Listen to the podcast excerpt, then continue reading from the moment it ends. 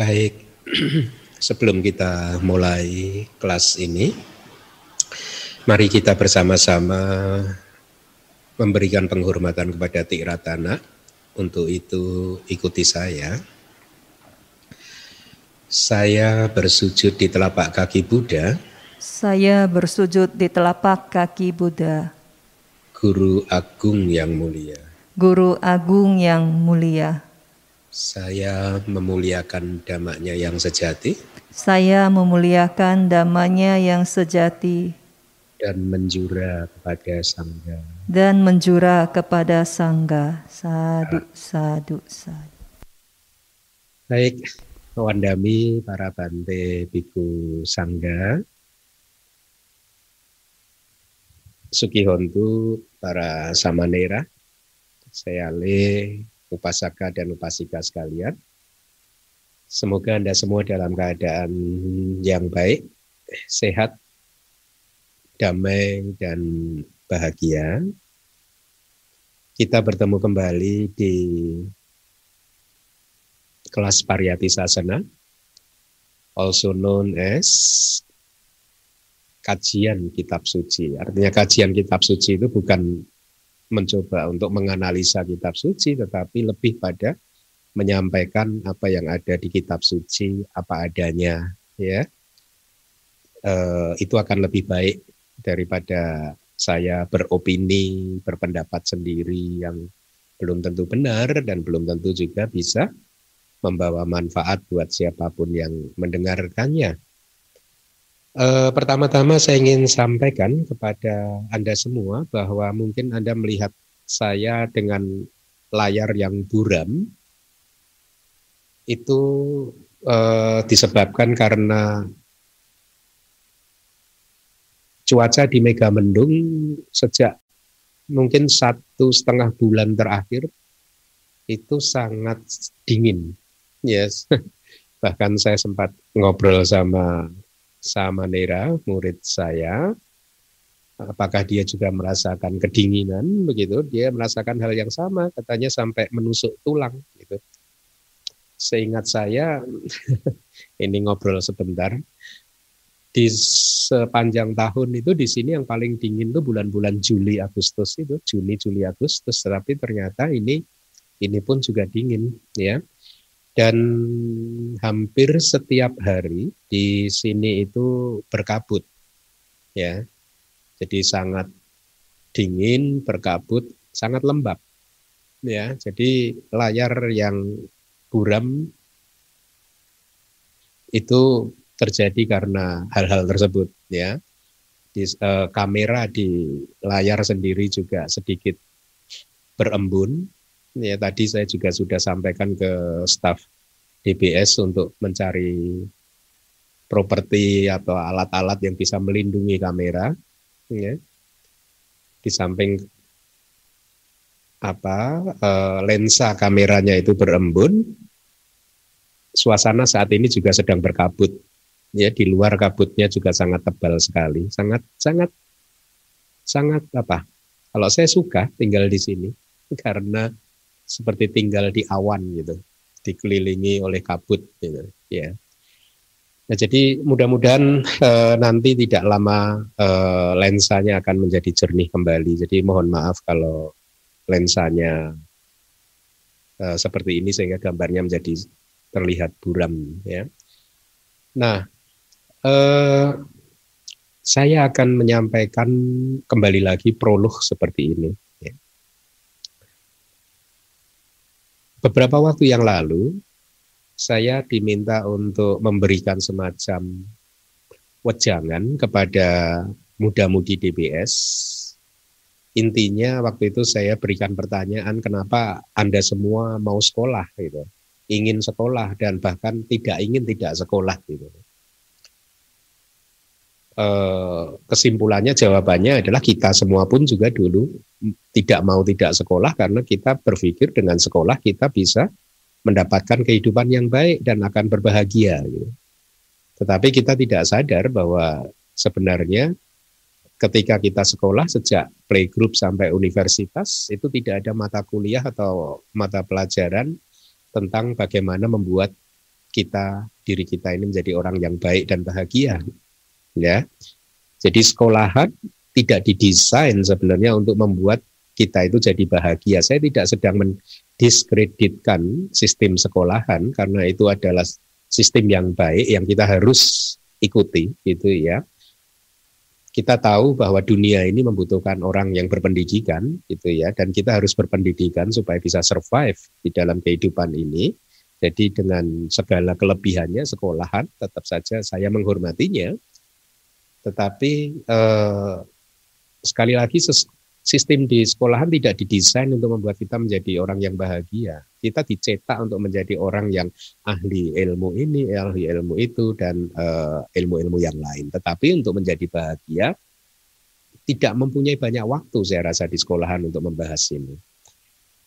Sehingga waktu itu saya simpulkan uh, dan saya berikan uh, kesimpulan kepada muda-mudi itu bahwa kalau kita ingin bahagia maka tidak hanya ilmu sekuler saja, ilmu keduniawian, ilmu yang kita dapatkan dari sekolahan yang harus kita kuasai, tetapi juga ilmu agama.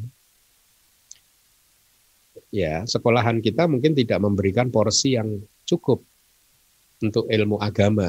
Ini sekali lagi dengan segala hormat saya terhadap sistem sekolahan yaitu sudah bagus tetapi memang uh, porsi untuk agama mungkin juga kurang uh, banyak ya untuk bisa akhirnya mencetak kita menjadi orang yang penuh meta, cinta kasih, belas kasih, sabar dan lain-lain begitu ya. Nah, ilmu agama itu juga harus dikuasai. Gitu ya. Kenapa harus dikuasai? Karena dengan ilmu agama inilah sebenarnya kita bisa akan bisa mengelola kehidupan kita ini dengan lebih baik lagi. Gitu. Kita akan bisa eh, menentukan langkah, menentukan sikap ketika ada masalah yang datang, ya karena kehidupan ini penuh dengan masalah, gitu. Eh, jawabannya ya dari ilmu agama kita, ya. Kemudian juga dengan ilmu agama kita, kita bisa mengarahkan langkah kaki kita di dalam kehidupan ini ke arah yang lebih benar, yang tidak melanggar hukum alam dalam artian tidak melakukan karma-karma buruk, tapi selaras dengan hukum alam dalam artian melakukan karma-karma baik, ya menghindari karma buruk, melakukan karma baik terus gitu. Nah itu kan baru bisa kita dapatkan kalau anda kita punya ilmu tentang kitab suci Coba Anda semua kita bertanya eh, kita semua bertanya kepada diri kita masing-masing apakah kita sudah benar-benar tahu karma buruk itu seperti apa, karma baik itu seperti apa? Cinta kasih yang universal meta itu seperti apa, belas kasih itu seperti apa? Apakah kita benar-benar sudah tahu? Ya. Kalau kita merenung, mungkin kita akan terkejut bahwa sesungguhnya banyak dari kita yang belum benar-benar tahu. Nah, itulah mengapa kelas-kelas pariyati sasana seperti ini menjadi sangat penting sekali karena kelas ini memberikan informasi yang ada di kitab suci apa adanya itu tadi. Ya. Dengan banyaknya pengetahuan yang kita punya, pengetahuan kitab suci yang kita punya, maka kita bisa melihat kehidupan ini dengan lebih baik lagi. Bisa menerima kejadian-kejadian di dalam kehidupan ini dengan lapang dada, ya. Tidak banyak komplain, ya, tidak banyak konflik, tidak banyak bertengkar dan lain sebagainya. Ya. Logikanya sama dengan fungsi manfaat dari ilmu pengetahuan yang kita dapatkan dari sekolahan. Ya, Ketika kita Anda semua sekolah sampai S1 sampai S2, Anda mempunyai ilmu yang cukup untuk bisa mengelola kehidupan Anda dalam koridor keduniawian. Ya.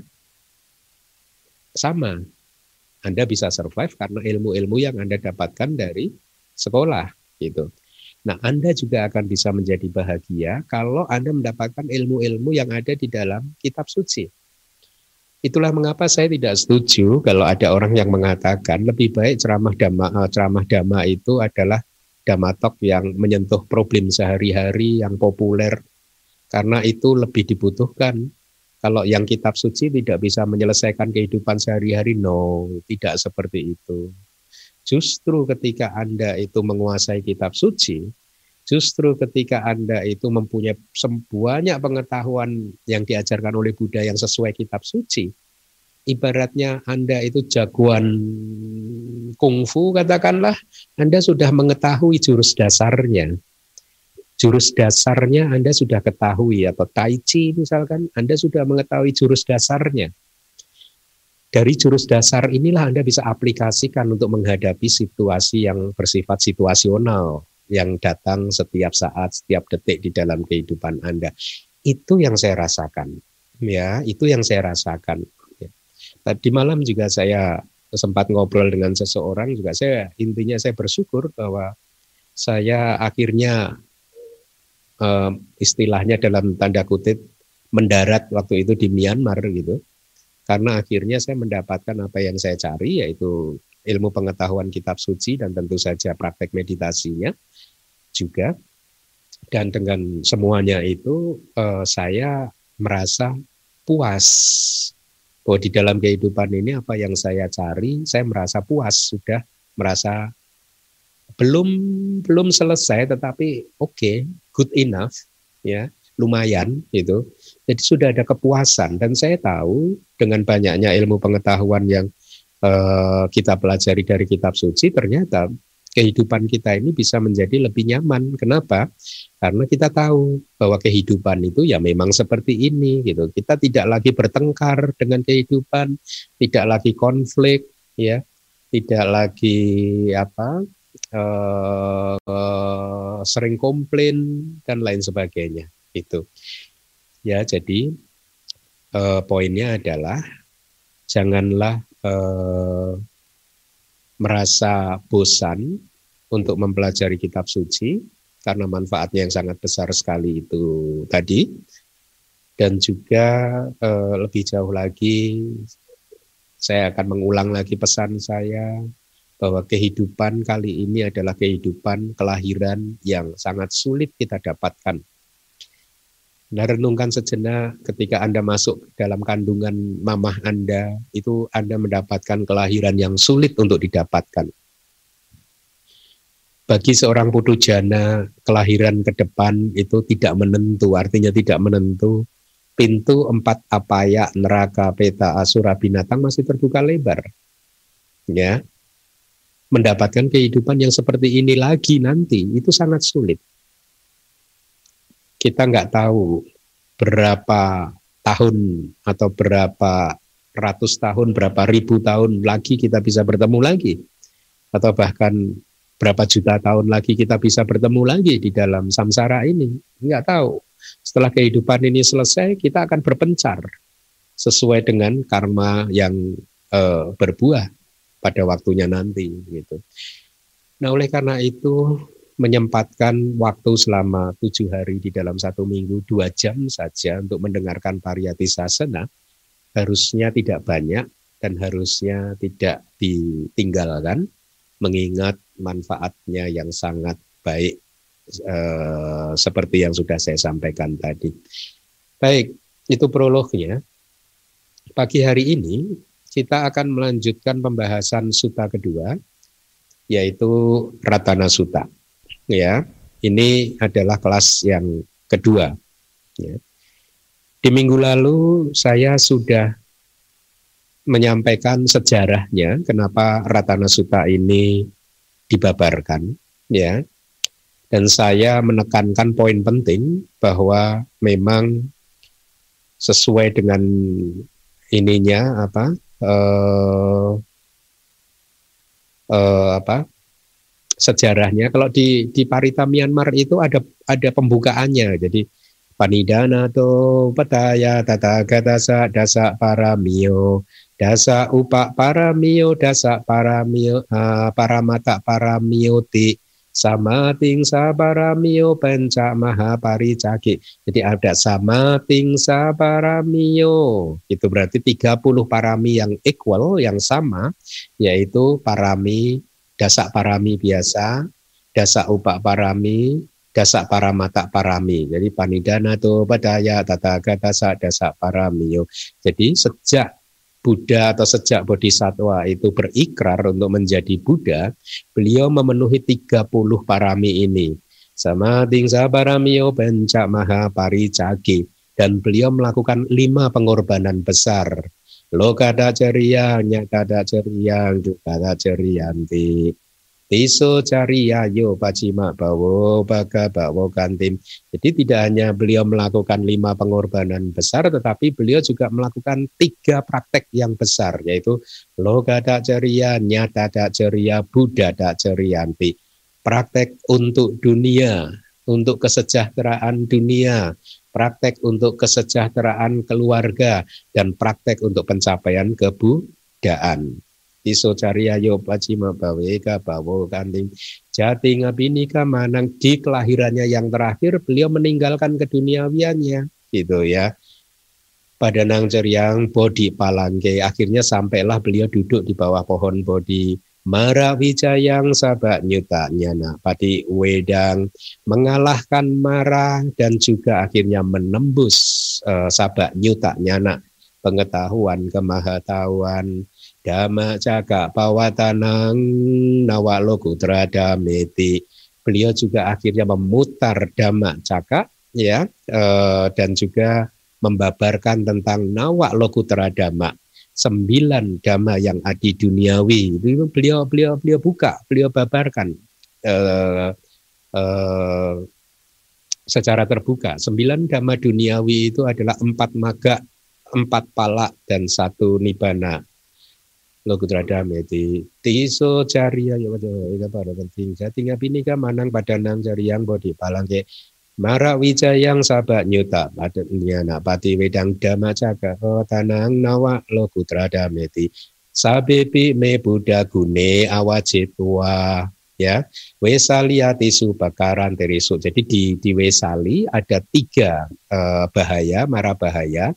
Ya dan kemudian Buddha mengarahkan sabebi me Buddha gune kepada semua kualitas-kualitas atau keutamaan-keutamaan Buddha. Ya so tia marating paritang karondo gitu. Jadi eh, akhirnya Buddha membabarkan eh, parita ini eh, untuk menghalau eh, tiga mara bahaya yaitu apa? Roga manusa dubika. Jadi ini tiga bahayanya. Tiga mara bahaya yang muncul di kota Wesali yaitu roga, penyakit, ya penyakit wabah penyakit. Kemudian manusa, yaitu gangguan dari manusa, gangguan dari bukan manusia. Roga manusa, dubika, dubika itu paceklik, ya. Nah, di minggu lalu sudah dijelaskan semua kan di Wesali pada waktu itu ada tiga malapetaka ini, tiga bencana ini, tiga bahaya ini, yaitu apa tadi? Roga manusa dubika sambutang widang bayang. Jadi tiga jenis bahaya ini telah muncul di kota Wesali yaitu roga manusa dubika. Roga itu penyakit, ak manusa itu gangguan dari uh, setan, jin gitu, katakanlah makhluk halus yang jahat gitu kemudian paceklik itu. Nah, itu sejarahnya. Roga manusia dibika sambutan di bidang bayang kipa mantra dabehi paritang lang benamahi akhirnya Buddha menyampaikan uh, Ratana Sutta ini gitu ya dengan segera menyampaikan Ratana Sutta ini. Nah itu sejarahnya. Minggu lalu juga saya sudah menekankan bahwa walaupun sejarahnya seperti itu ketika Buddha turun kemudian uh, turun di uh, pesisir atau di pinggir Sungai Gangga yang di sisi kota Wesali kemudian tiba-tiba hujan yang tadinya tidak pernah turun jadi turun. Kemudian jenazah bangkai atau ya jasad-jasad mayat-mayat yang tadinya berserakan hanyut ke Sungai Gangga sampai akhirnya bersih, kemudian juga ak manusia yang jahat-jahat banyak yang lari tunggang langgang, begitu ya.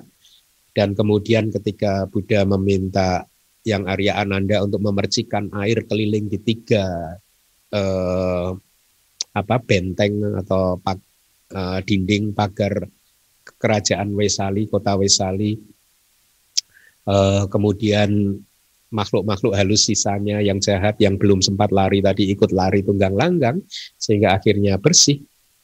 Tapi saya menekankan dua poin minggu yang lalu. Poin pertama adalah pada waktu itu ada Buddha yang membackup. Kedua adalah eh, yang melakukan pembacaan paritanya dan memercikkan air adalah yang Arya Ananda. Poin ini tidak boleh dilupakan. Ya. Bahkan kita minggu lalu juga tidak mendapatkan instruksi dari Buddha bahwa eh, di masa depan kalau ada bencana seperti ini kita harus membaca Parita Pratana Sutta. Minggu lalu tidak ada. Ya, seingat saya juga kita akan lihat nanti sampai di akhir sutta ada tidak instruksi itu uh, dari Buddha ketika ada roga manusia dubika lalu kita membaca parita ini nanti kita lihat ya sampai di akhir uh, pembahasannya bagaimana begitu ya. Nah, minggu lalu juga saya sampaikan walaupun saya pun juga membaca uh, Ratana Sutta ya dari waktu ke waktu saya juga membaca gitu ya. Uh, tetapi uh, saya mempunyai pemahaman yang mungkin berbeda dengan kebanyakan orang yaitu ya seperti itu tadi ya. Seperti yang minggu lalu sudah saya sampaikan gitu. Pada saat semua orang tergerak untuk membaca parita suta demi menghadapi covid saya juga tidak meminta umat-umat di DBS untuk membaca Parita Ratana Sutta demi menghadapi COVID. Ya, bukan karena saya tidak menghormati, tetapi karena saya mempunyai pemahaman seperti yang sudah saya sampaikan minggu lalu. Ya, nah, tapi dalam momen-momen tertentu saya pun juga membaca uh, Ratana Sutta. Itu artinya apa? Saya menghormatinya juga saya mengetahuinya juga manfaatnya itu seperti apa, saya juga mengetahuinya. Itu ya. Nah, eh, sebelum saya sampaikan penjelasan dari kitab komentar, saya ingin eh, meminta petugas untuk membaca sutanya terlebih dahulu.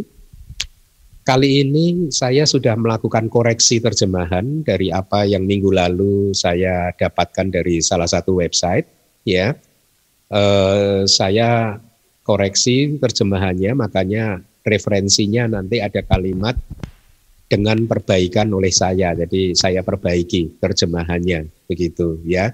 Jadi mohon maaf kalau Anda menemukan ada perbedaan dengan uh, parita yang ada di website yang uh, saya jadikan sumber referensi itu perubah perbedaannya terjadi karena saya memperbaiki terjemahannya. Baik, uh, tolong petugas membacakan uh, paritanya terlebih dahulu, silahkan. Ratana Sutta, Kudaka Nikaya 5.13, Diskursus tentang permata-permata. Makhluk-makhluk apa pun yang berkumpul di sini, yang di bumi atau yang di angkasa, semoga semua makhluk itu juga menjadi gembira, dan kemudian juga semoga mereka mendengarkan apa yang disabdakan dengan penuh hormat.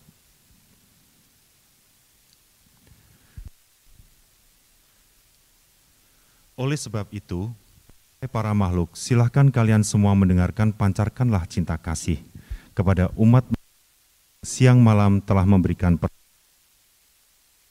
karena itu lindungilah mereka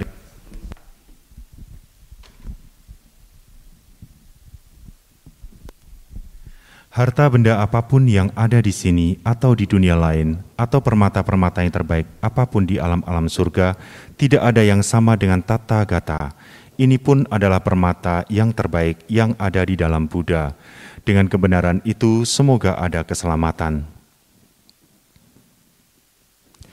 Kehancuran tidak adanya nafsu, keabadian yang terbaik yang Sakyamuni telah mendapatkannya, telah terkonsentrasi, tidak ada apa pun yang sama dengan Dhamma tersebut. Ini pun adalah permata yang terbaik yang ada di dalam Dhamma. Dengan kebenaran itu, semoga ada keselamatan. Kesucian yang Buddha yang terkemuka telah memujinya, yang mereka katakan sebagai konsentrasi tanpa antara. Dhamma yang sama dengan konsentrasi tersebut tidak eksis. Ini pun adalah permata yang terbaik yang ada di dalam Dhamma. Dengan kebenaran itu, semoga ada keselamatan. Delapan individu yang dipuji oleh orang-orang baik terdiri dari empat pasang. Mereka adalah siswa-siswa Sang Buddha yang pantas menerima persembahan apa pun yang dipersembahkan kepada mereka akan memberikan buah yang melimpah Permata tak ternilai ini ada di dalam sangga. Dengan kebenaran ini, semoga ada kedamaian. Mereka yang terbebas dari nafsu semuanya mantap di dalam ajaran Gotama yang berpikiran teguh. Mereka telah mencapai apa yang harus dicapai karena telah menyelam ke dalam nibbana yang bebas dari kematian. Mereka menikmati kedamaian yang dicapai yang tak ternilai. Permata tak ternilai ini ada di dalam sangga. Dengan kebenaran ini, semoga ada kedamaian. Bagaikan gerbang kota yang berfondasi kokoh tidak tergoyahkan oleh angin dari empat penjuru, demikianlah kunyatakan bahwa orang yang sepenuhnya memahami kebenaran mulia adalah orang yang baik. Permata tak ternilai ini ada di dalam sangga. Dengan kebenaran ini, semoga ada kedamaian. Mereka yang dengan jernih memahami kebenaran mulia yang telah diajarkan dengan baik oleh Yang Maha Bijaksana, betapapun tidak hati-hatinya mereka itu, mereka tidak akan terlahir untuk kedelapan kalinya. Permata tak ternilai ini ada di dalam sangga. Dengan kebenaran ini, semoga ada kedamaian. Tiga kondisi yang telah ditinggalkan oleh dia pada saat mencapai pandangan terang, yaitu pandangan salah tentang diri, keraguan, dan pandangan salah bahwa ritual dan upacara dapat menyelamatkan. Dia juga telah sepenuhnya terbebas dari empat keadaan menderita dan tidak dapat lagi melakukan enam kejahatan. Permata tak ternilai ini ada di dalam sangga. Dengan kebenaran ini, semoga ada kedamaian. Kejahatan apa pun yang dilakukan, baik lewat tubuh, ucapan, atau pikiran, tidak dapat disembunyikannya karena telah dikatakan bahwa tindakan semacam itu tidak mungkin dilakukan oleh orang yang telah melihat sang jalan. Permata tak ternilai ini ada di dalam sangga. Dengan kebenaran ini, semoga ada kedamaian. Bagaikan pohon-pohon yang pucuknya berbunga pada bulan-bulan pertama musim panas, begitu juga ajaran tertinggi yang menuju ke Nibana. Ini diajarkan untuk tujuan tertinggi. Permata tak ternilai ini ada di dalam sangga dengan kebenaran ini, semoga ada kedamaian. Yang luar biasa, yang maha mengetahui, Sang Pemberi yang luar biasa, dan Sang Pembawa kesempurnaan telah membabarkan ajaran yang luar biasa. Permata tak ternilai ini ada di dalam Buddha. Dengan kebenaran ini, semoga ada kedamaian. Dengan musnahnya kama lampau, tidak ada kama baru yang dihasilkan, maka pikiran pun tak melekat pada kelahiran di masa depan. Mereka telah menghancurkan benih-benih tumimba lahir. Nafsu-nafsu tidak lagi muncul dan para bijaksana itu pergi, sama seperti lampu ini. Permata tak ternilai ini ada di dalam sangga. Dengan kebenaran ini, semoga ada kedamaian. Makhluk apa pun yang berkumpul di sini, baik yang dari luar maupun baik yang dari luar dunia maupun dari luar angkasa, marilah kita menghormat Buddha, Sang Tata Gata, dipuja oleh para dewa dan manusia. Semoga ada kedamaian. Makhluk apa pun yang berkumpul di sini, baik yang dari dunia maupun dari ruang angkasa, marilah kita menghormat Dhamma. Sang Tata Gata dipuja oleh para dewa dan manusia. Semoga ada kedamaian. Makhluk apa pun yang berkumpul di sini, baik yang dari dunia maupun dari luar angkasa, marilah kita menghormat Sangga, Sang Tata Gata, dipuja oleh para dewa dan manusia. Semoga ada kedamaian. Baik, terima kasih Pak Teguh. Hmm, ya, layarnya masih buram ya. Itu tadi sutanya, ya. Sekali lagi saya sampaikan, eh, saya melakukan sedikit koreksi untuk terjemahannya. Saya sesuaikan dengan eh, materi yang kita bahas, ya. Jadi eh, dari waktu ke waktu saya akan mencoba untuk menyesuaikannya dengan kata-kata dengan uh, kitab komentarnya juga ya. Uh, tolong ditampilkan slide-nya yang stansa nomor 224 ya. Jadi itu stansanya makhluk apa pun yang berkumpul di sini yang di bumi atau yang di angkasa. Ya nidabut tani sama gatani bumani wayani wa antalike. Nah, antalike itu kayak di langit gitu sebenarnya ya. di langit atau di angkasa gitu. Ya, jadi makhluk apa pun yang berkumpul di sini, baik yang di bumi atau yang di angkasa, Sabewa buta sumana bawantu adopi sageca sunantu basitang gitu ya. Tasamahi buta ni sameta sabi karut. Ya, semoga semua makhluk itu juga menjadi gembira dan kemudian juga semoga mereka mendengarkan apa yang disabdakan dengan uh, penuh hormat itu ya. Penjelasan dari kitab komentarnya seperti ini. Makhluk-makhluk apa pun yang berkumpul di sini itu di dalam stansa yang pertama ini yaitu stansa yang nomor 224. Kata apa pun itu berarti ya seperti apa pun makhluk-makhluk tersebut gitu ya apakah mereka ini adalah makhluk-makhluk yang memiliki sedikit kekuatan atau makhluk-makhluk yang memiliki kekuatan yang besar itu apa pun makhluknya gitu. Nah, kata di sini gitu ya mengacu pada tempat berkumpul makhluk-makhluk tersebut pada saat itu, pada saat Ratana Sutta ini di babarkan. Jadi Anda bayangkan ya, ketika Buddha mengatakan ya nida butani sama agatani bumani wayani wa antalike gitu, eh, ketika mengatakan kata berkumpul di sini, ya itu artinya makhluk yang pada saat itu berkumpul di eh, kota Wesali gitu ya, di saat Ratana Sutta ini dibabarkan gitu ya. Eh, tapi Anda juga jangan berpikir bahwa hal seperti itu artinya makhluk-makhluk halus itu berkumpul hanya ketika ada Buddha atau hanya terjadi ketika di zaman Buddha hanya terjadi di zaman kuno dan itu tidak terjadi di zaman modern saat ini. Oh, jangan berpikir seperti itu gitu ya. Karena di zaman sekarang pun hal-hal seperti itu juga masih terjadi gitu ya. Ketika kitab suci itu dibabarkan di zaman modern pun maka itu banyak makhluk-makhluk yang tidak terlihat itu juga berkumpul untuk ikut mendengarkan ya atau ketika ada pelimpahan jasa tertentu, tidak semuanya ya tertentu. Pembabaran dhamma pun juga tidak semua pembabaran dhamma. Pembabaran tertentu khususnya hanya pembabaran dhamma yang mengajarkan kitab suci. Yang sesuai kitab suci itu biasanya eh, makhluk-makhluk tersebut juga ikut berkumpul untuk mendengarkannya gitu pembabaran uh, sorry pelimpahan jasa juga seperti itu. Tidak semua tetapi kadang ada pelimpahan jasa di mana ada saja peta yang ikut berkumpul untuk menunggu mendapatkan uh, bagian dari uh, pelimpahan jasa pati dana atau dedikasi persembahan kebajikan gitu ya.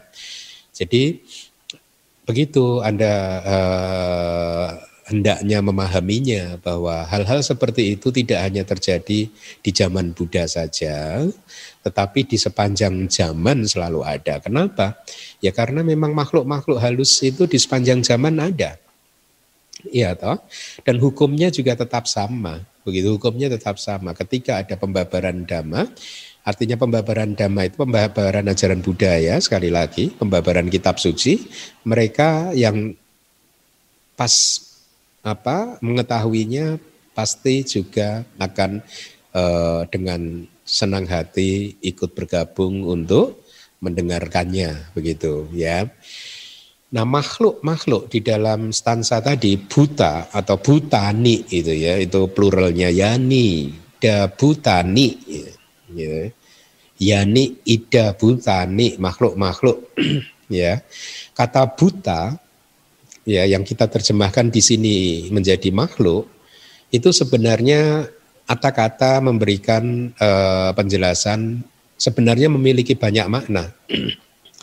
Kata buta bahasa Pali yaitu B H U U-nya panjang T kemudian A buta itu itu adalah pas participle dari bawati itu ya. Uh, present indikatifnya itu bawati itu.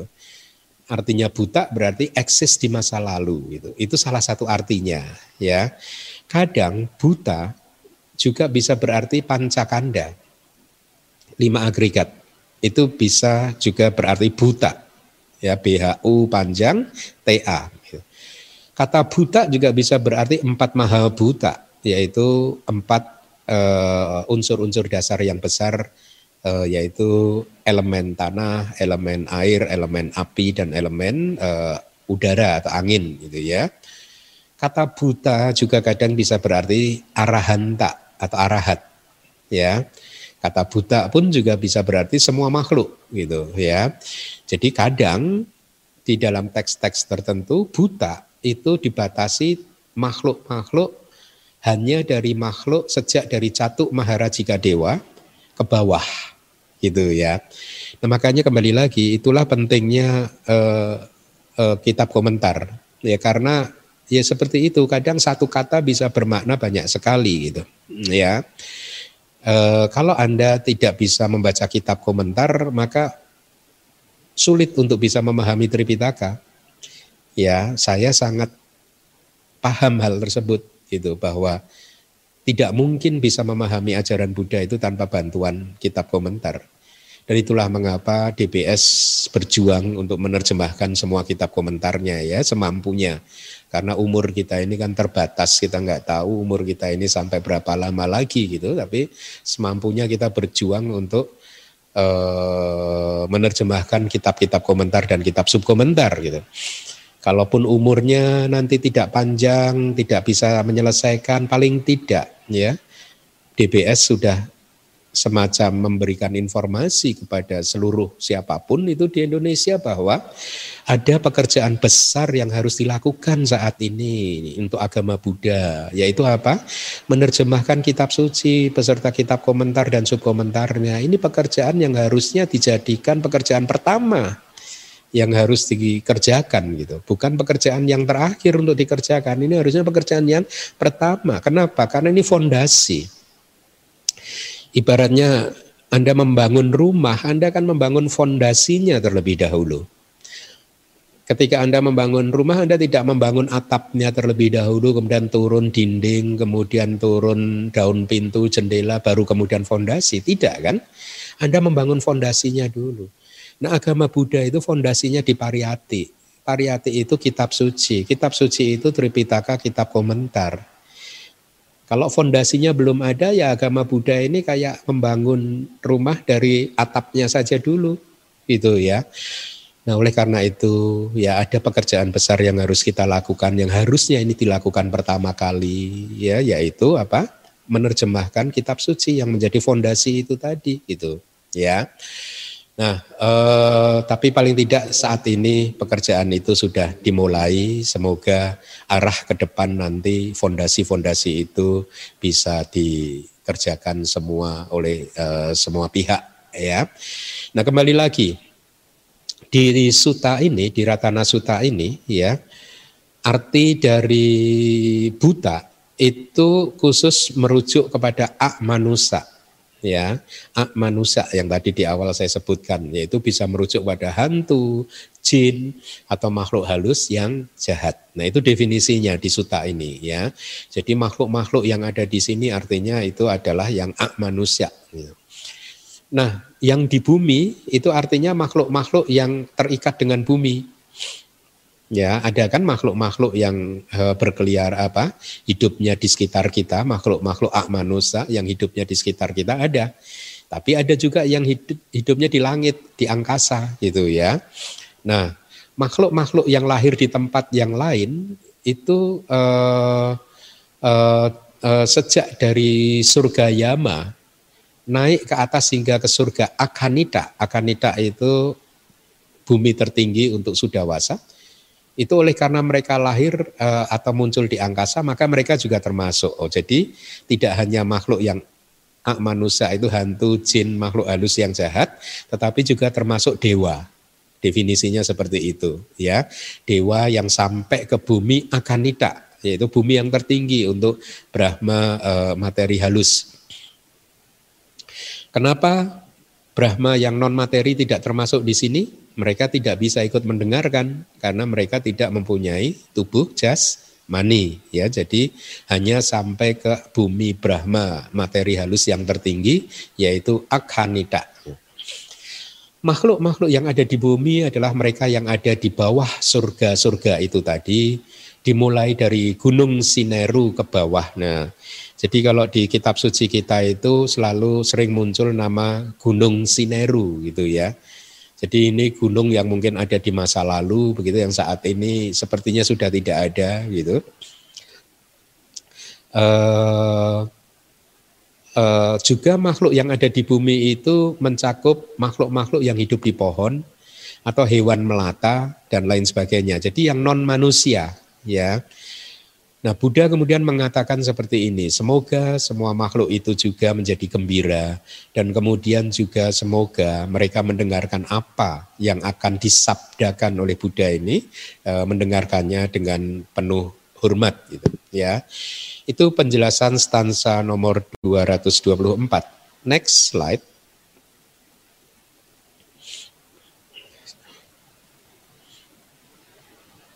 Uh, next ya. Oleh sebab itu wahai para makhluk, silahkan kalian semua mendengarkannya. Ini kata Buddha ya. Atau kalian harus mendengarkannya ya, karena ini kayak imperatif. Pancarkanlah cinta kasih kepada umat manusia yang siang malam telah memberikan persembahan kepadamu. Karena itu lindungilah mereka dengan setulus hati. Itu kata Buddha atau nasihat Buddha. Kitab komentar menjelaskannya seperti ini. Oleh sebab itu wahai para makhluk dan seterusnya. Ini apa ini artinya gitu ya? Artinya adalah oleh karena kalian semua telah meninggalkan tempat-tempat surgawi kalian dan menikmati kebahagiaan di sana untuk berkumpul di sini di bumi untuk mendengarkan dhamma tadi guna mendengarkan dhamma dari Buddha. Jadi ini merujuk kepada para dewa ya bukan untuk melihat pertunjukan atau melihat tarian, maka wahai para makhluk, harap kalian atau uh, uh, ya harap kalian semua mendengarkannya dengan baik atau kalian semua hendaknya mendengarkannya dengan baik. Jadi makhluk siapa pun yang termasuk uh, yang termasuk di dalam klasifikasi itu tadi seharusnya bersikap yang baik ya ketika mendengarkan dhamma ya.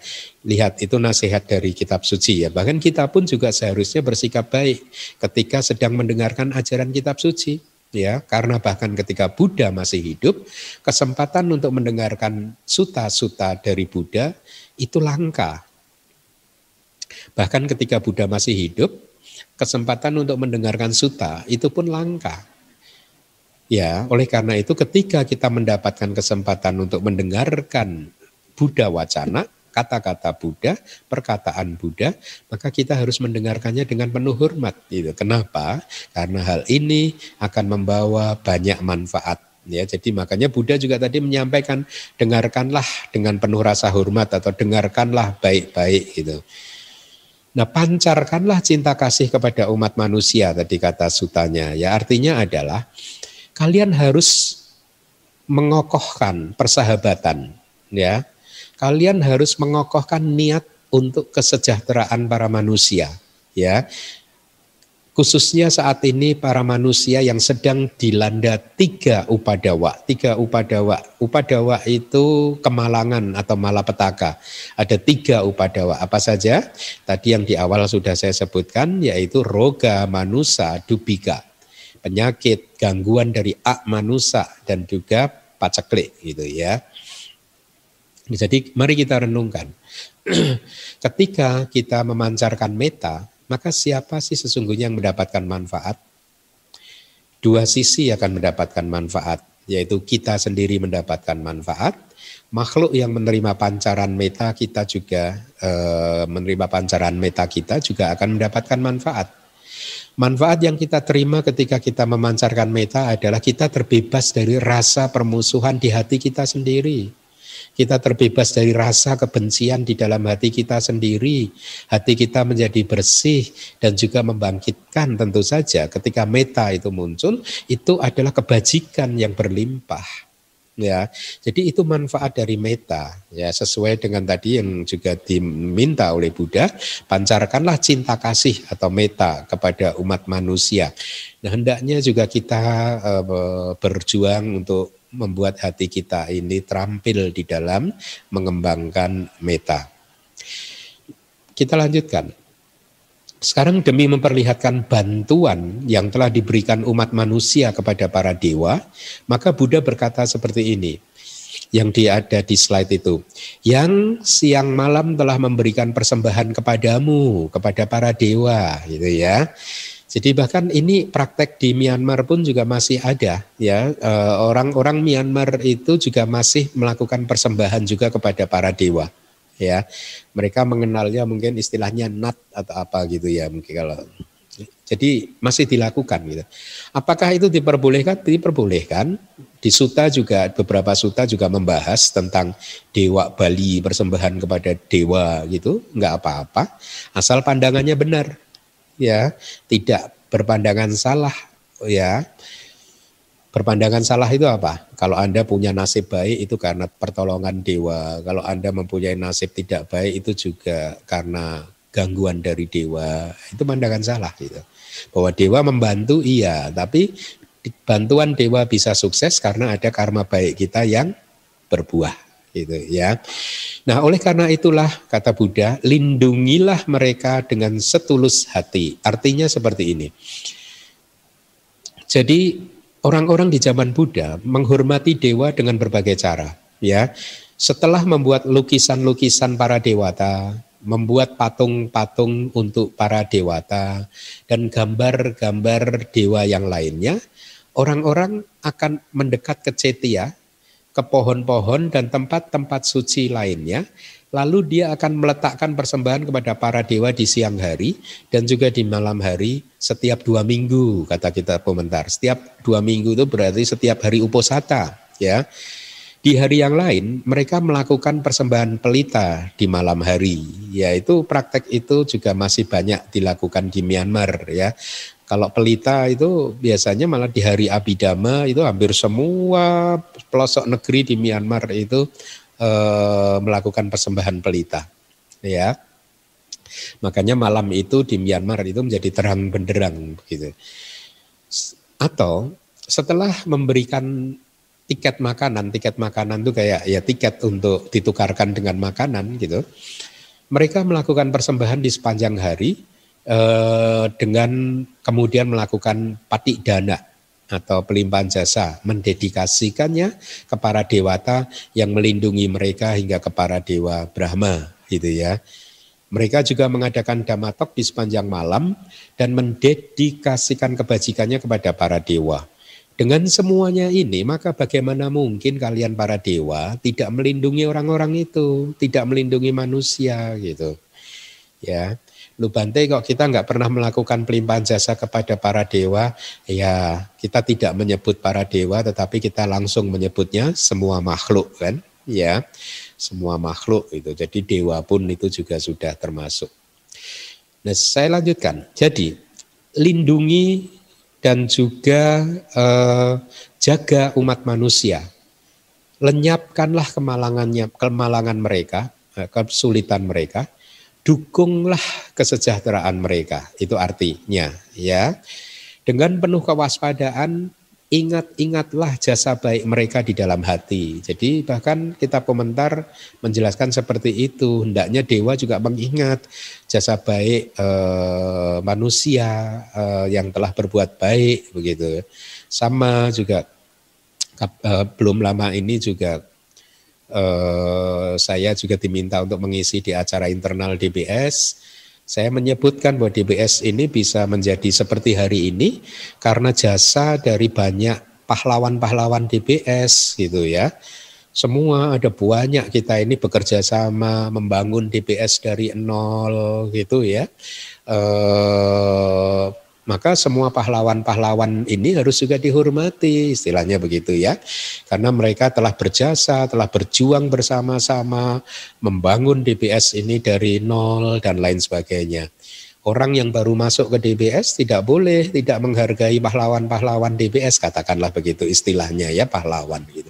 Tidak boleh apalagi orang baru yang belum berjasa, kemudian eh, Eh, melakukan sesuatu yang uh, tidak menghormati orang-orang yang sudah berjasa itu tentu tidak baik ya makanya saya ingatkan pada acara tersebut bahwa di DBS ini banyak jasa-jasa dari pejuang-pejuang DBS yang orang-orang yang baru harus menghormatinya begitu ya.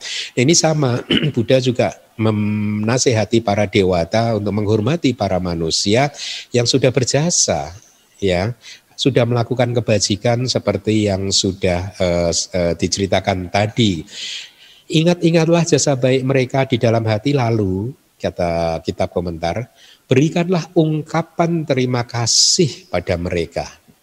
Ya. Nah, itu adalah stansa yang ke 225. Next slide.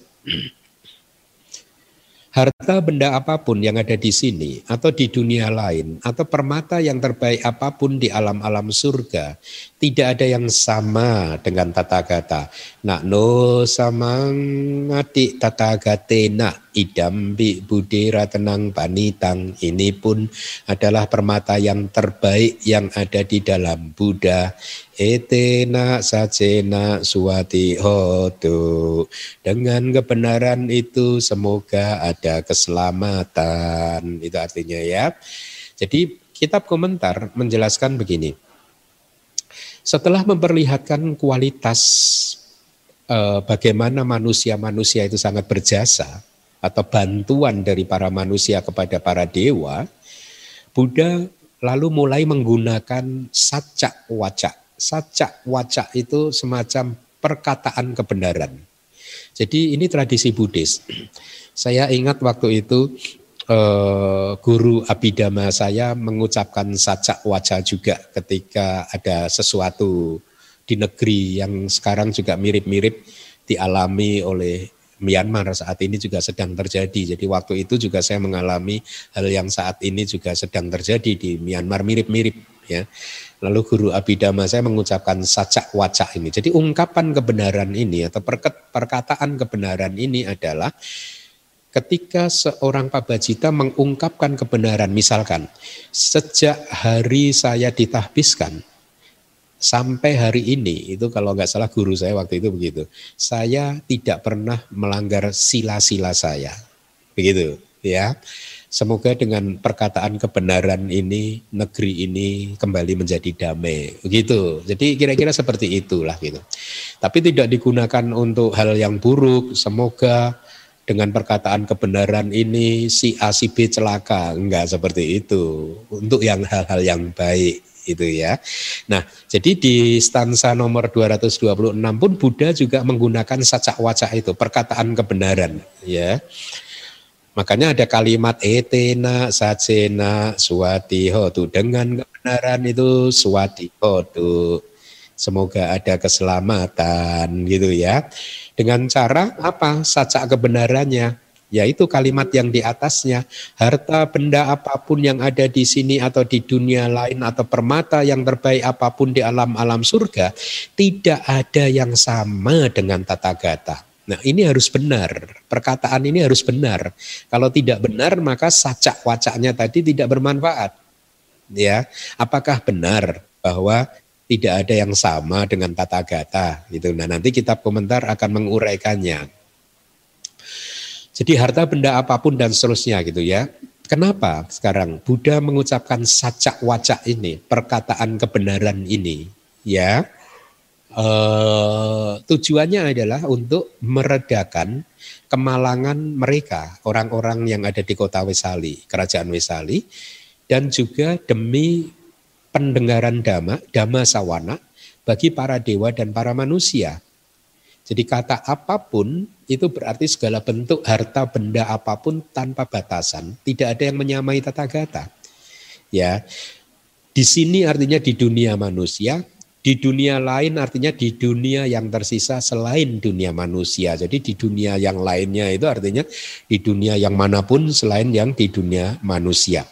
Harta benda apa pun berarti apa pun yang digunakan oleh manusia untuk alat tukar, untuk perhiasan, untuk bersenang-senang, bersolek seperti emas, perak, mutiara, manikam, permata, batu mulia seperti rubi, mata kucing, dan lain-lain.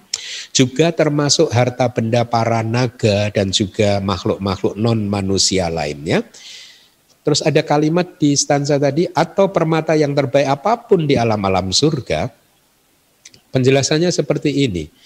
Di dunia para dewa lingkup indriawi, Nah, ini dewa lingkup indriawi itu adalah dewa yang hidup di enam bumi, yaitu Catuk Maharajika, Tawatingsa, Yama, Tusita, eh, eh, apa, para Nimita Wasawati, eh, nim, catat yaitu Nimana Rati dan para Nimita Wasawati itu ya. Ada enam tingkatan dewa lingkup indriawi dan juga termasuk surga lingkup materi halus ada 16 bumi. Jadi lihat sebenarnya kita itu punya surga banyak ya. Ada 6 plus 16. Ya berarti berapa? 22. Iya, 22. Sebenarnya masih ada lagi 4 yaitu surga Brahma non materi gitu ya. Jadi surga kita banyak, santai saja. Surga kita tidak satu ya. Kalau surga kita satu ya pantas kalau kita rebutan katakanlah ya. ya surga kita kan banyak, jadi kita nggak usah terlalu ini rebutan surga ya. ya. Nah, jadi permata yang terbaik apa pun di alam surga artinya yang ada di surga-surga itu tadi ya permata-permata terbaik, harta benda terbaik itu semua tadi yang diceritakan, itu tidak ada yang menyamai atau tidak ada yang sama dengan tata gata. Tata gata itu Buddha. Ya artinya tetap saja yang terbaik itu adalah Buddha. Ya. Nah kitab komentar memberikan contoh seperti ini. Permata itu adalah harta benda yang dipuja-puja. Semua orang menyukai permata, gitu ya, makhluk-makhluk duniawi. Gitu. Dalam konteks ini Buddha pun adalah juga disebut permata, ratna ya. Permata itu bahasa palinya ratana dan kita sebenarnya mempunyai bahasa Indonesia yang mirip dengan ratana dengan makna yang sama yaitu apa? Ratna itu ya. Jadi sebenarnya ratana suta itu juga bisa diterjemahkan menjadi diskursus tentang ratna, ratna gitu ya.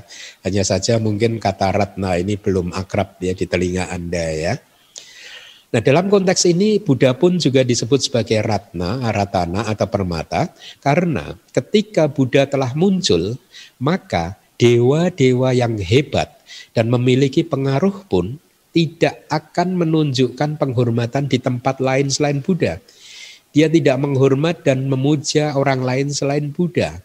Contohnya adalah Brahma Sahampati. Brahma Sahampati itu dianggap oleh orang India atau Hindu itu seperti dewa yang menciptakan, dewa pencipta atau Tuhan pencipta begitu. Bahkan Brahma Sahampati pun itu juga menghormat kepada Buddha. Raja-raja besar seperti Raja Bimbisara dan lain sebagainya juga menghormat seperti uh, menghormat kepada Buddha saudagar-saudagar yang kaya raya seperti Anata Pindika dan lain sebagainya juga menghormat kepada Buddha ya. Jadi dalam konteks Buddha yang dipuja-puja seperti itu maka Buddha juga bisa dikatakan adalah seperti permata atau seperti ratna gitu ya. Bahkan kitab komentar melanjutkan Raja Asoka menghabiskan kekayaan senilai 96 koti satu kode itu 10 juta, berarti 96 kali 10 juta, untuk membangun 84 ribu wihara di seluruh Jambu Dipa, dan semua wihara itu dipersembahkan atau didedikasikan kepada Buddha. Ya, lebih jauh lagi siapa orangnya yang setelah parinibbana ya eh, masih tetap dihormati oleh para dewa dan manusia selain Buddha. Ya, Dengan demikian maka Buddha pun juga tidak ternilai. Gitu. Itulah mengapa Buddha juga adalah permata. Bahkan Paceka Buddha pun tidak bisa menandingi Buddha. Kenapa? Karena kualitas-kualitas terbaik Buddha yang memang tidak tertandingi, yaitu Buddha mampu membimbing dewa dan manusia untuk mencapai maga dan palak, Paceka Buddha tidak mampu. Ya, Buddha mampu mengajarkan empat kebenaran mulia, Paceka Buddha tidak mampu dan lain sebagainya. Jadi Buddha pun tetap saja yang terbaik. Jadi makhluk-makhluk apa pun, apakah yang tanpa kaki atau mempunyai kaki dua dan lain-lain, maka Buddha adalah yang terbaik di antara mereka. Itu ungkapan dari Buddha. Jadi Buddha pernah berkata seperti itu, makhluk-makhluk apa pun, apakah yang tanpa kaki atau yang berkaki dua dan seterusnya, Buddha adalah yang terbaik di antara mereka. Itu ungkapan Buddha Gotama. Apakah Buddha sombong ketika mengungkapkan seperti itu? Tidak. Oleh karena itu saya pesan kepada Anda semua jangan terlalu mudah menghakimi orang lain sebagai sombong ya. Hanya Anda berdasar pada ucapan dari orang tersebut karena kesombongan itu adalah uh, fenomena mental yang tahu di, seseorang itu sombong atau tidak sombong ya orang itu sendiri. Orang lain tidak bisa mengetahui keadaan pikiran dari orang tersebut, apakah kesombongannya muncul atau tidak kesombongan tidak bisa diukur juga dengan dari kata-kata ya. Nah, ini contohnya Buddha tadi gitu ya. Nah, ini pun adalah permata next slide. Yang terbaik yang ada di dalam Buddha. Dengan kebenaran itu semoga ada keselamatan. Jadi dengan kalimat yang ada di slide tersebut, Buddha membuat sebuah deklarasi kebenaran Tujuannya apa? Demi meredakan bencana yang telah muncul di kota Wesali. Itu ya. Sekali lagi deklarasi-deklarasi seperti itu sering masih juga dipraktekkan oleh uh, para pabajita, pabajita tertentu gitu ya. Jadi pernyataan ini berlandaskan pada kebenaran tentang kualitas Buddha yang memang terbaik ya seperti yang tadi sudah diceritakan Buddha juga terbaik dalam konteks sila, samadhi dan panyanya seperti halnya permata, rubi adalah batu-batu yang terbaik, maka demikian pula Buddha adalah juga makhluk yang terbaik. Itulah mengapa Buddha pun juga disebut sebagai ratana atau permata. Ya. Nah, eh, diceritakan Uh, ya, jadi arti dari kalimat yang ada di slide ini seperti ini. Harta benda apa pun atau permata apa pun yang eksis di sini atau di dunia yang lain karena mereka semua tidak ada yang menyamai Buddha berkenaan dengan kualitas kualitas yang tadi sudah saya sebutkan, maka ini pun adalah permata yang terbaik yang ada di dalam Buddha. Apabila pernyataan ini benar, maka dengan kebenaran itu semoga ada keselamatan. Jadi maknanya seperti itu.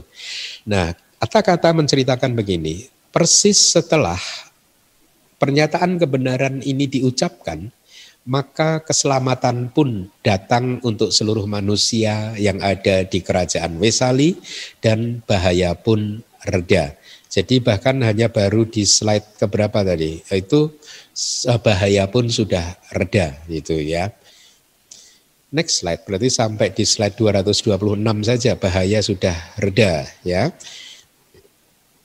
Kehancuran, tidak adanya nafsu, keabadian yang terbaik yang Sakyamuni telah mendapatkannya, yang Sakyamuni telah terkonsentrasi, tidak ada apa pun yang sama dengan dhamma tersebut. Ini pun adalah permata yang terbaik yang ada di dalam dhamma. Dengan kebenaran itu semoga ada keselamatan. Jadi sekarang tentang dhamma, kalau tadi tentang Buddha. Sekarang permata yang disebut dhamma ya.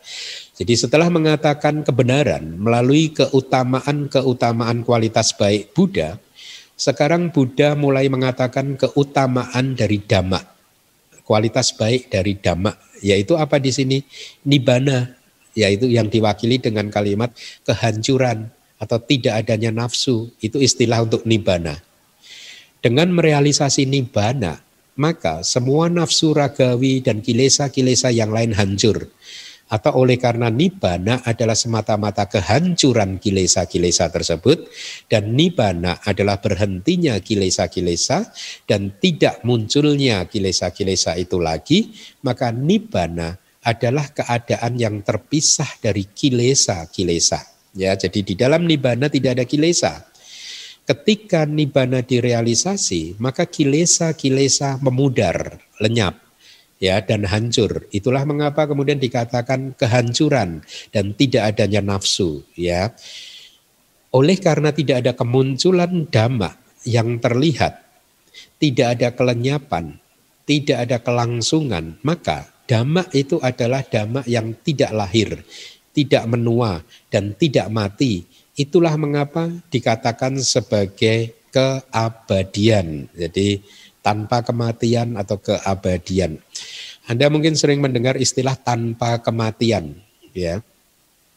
Tanpa kematian itu terjemahan dari bahasa Pali mata, ya, tanpa kematian, ya.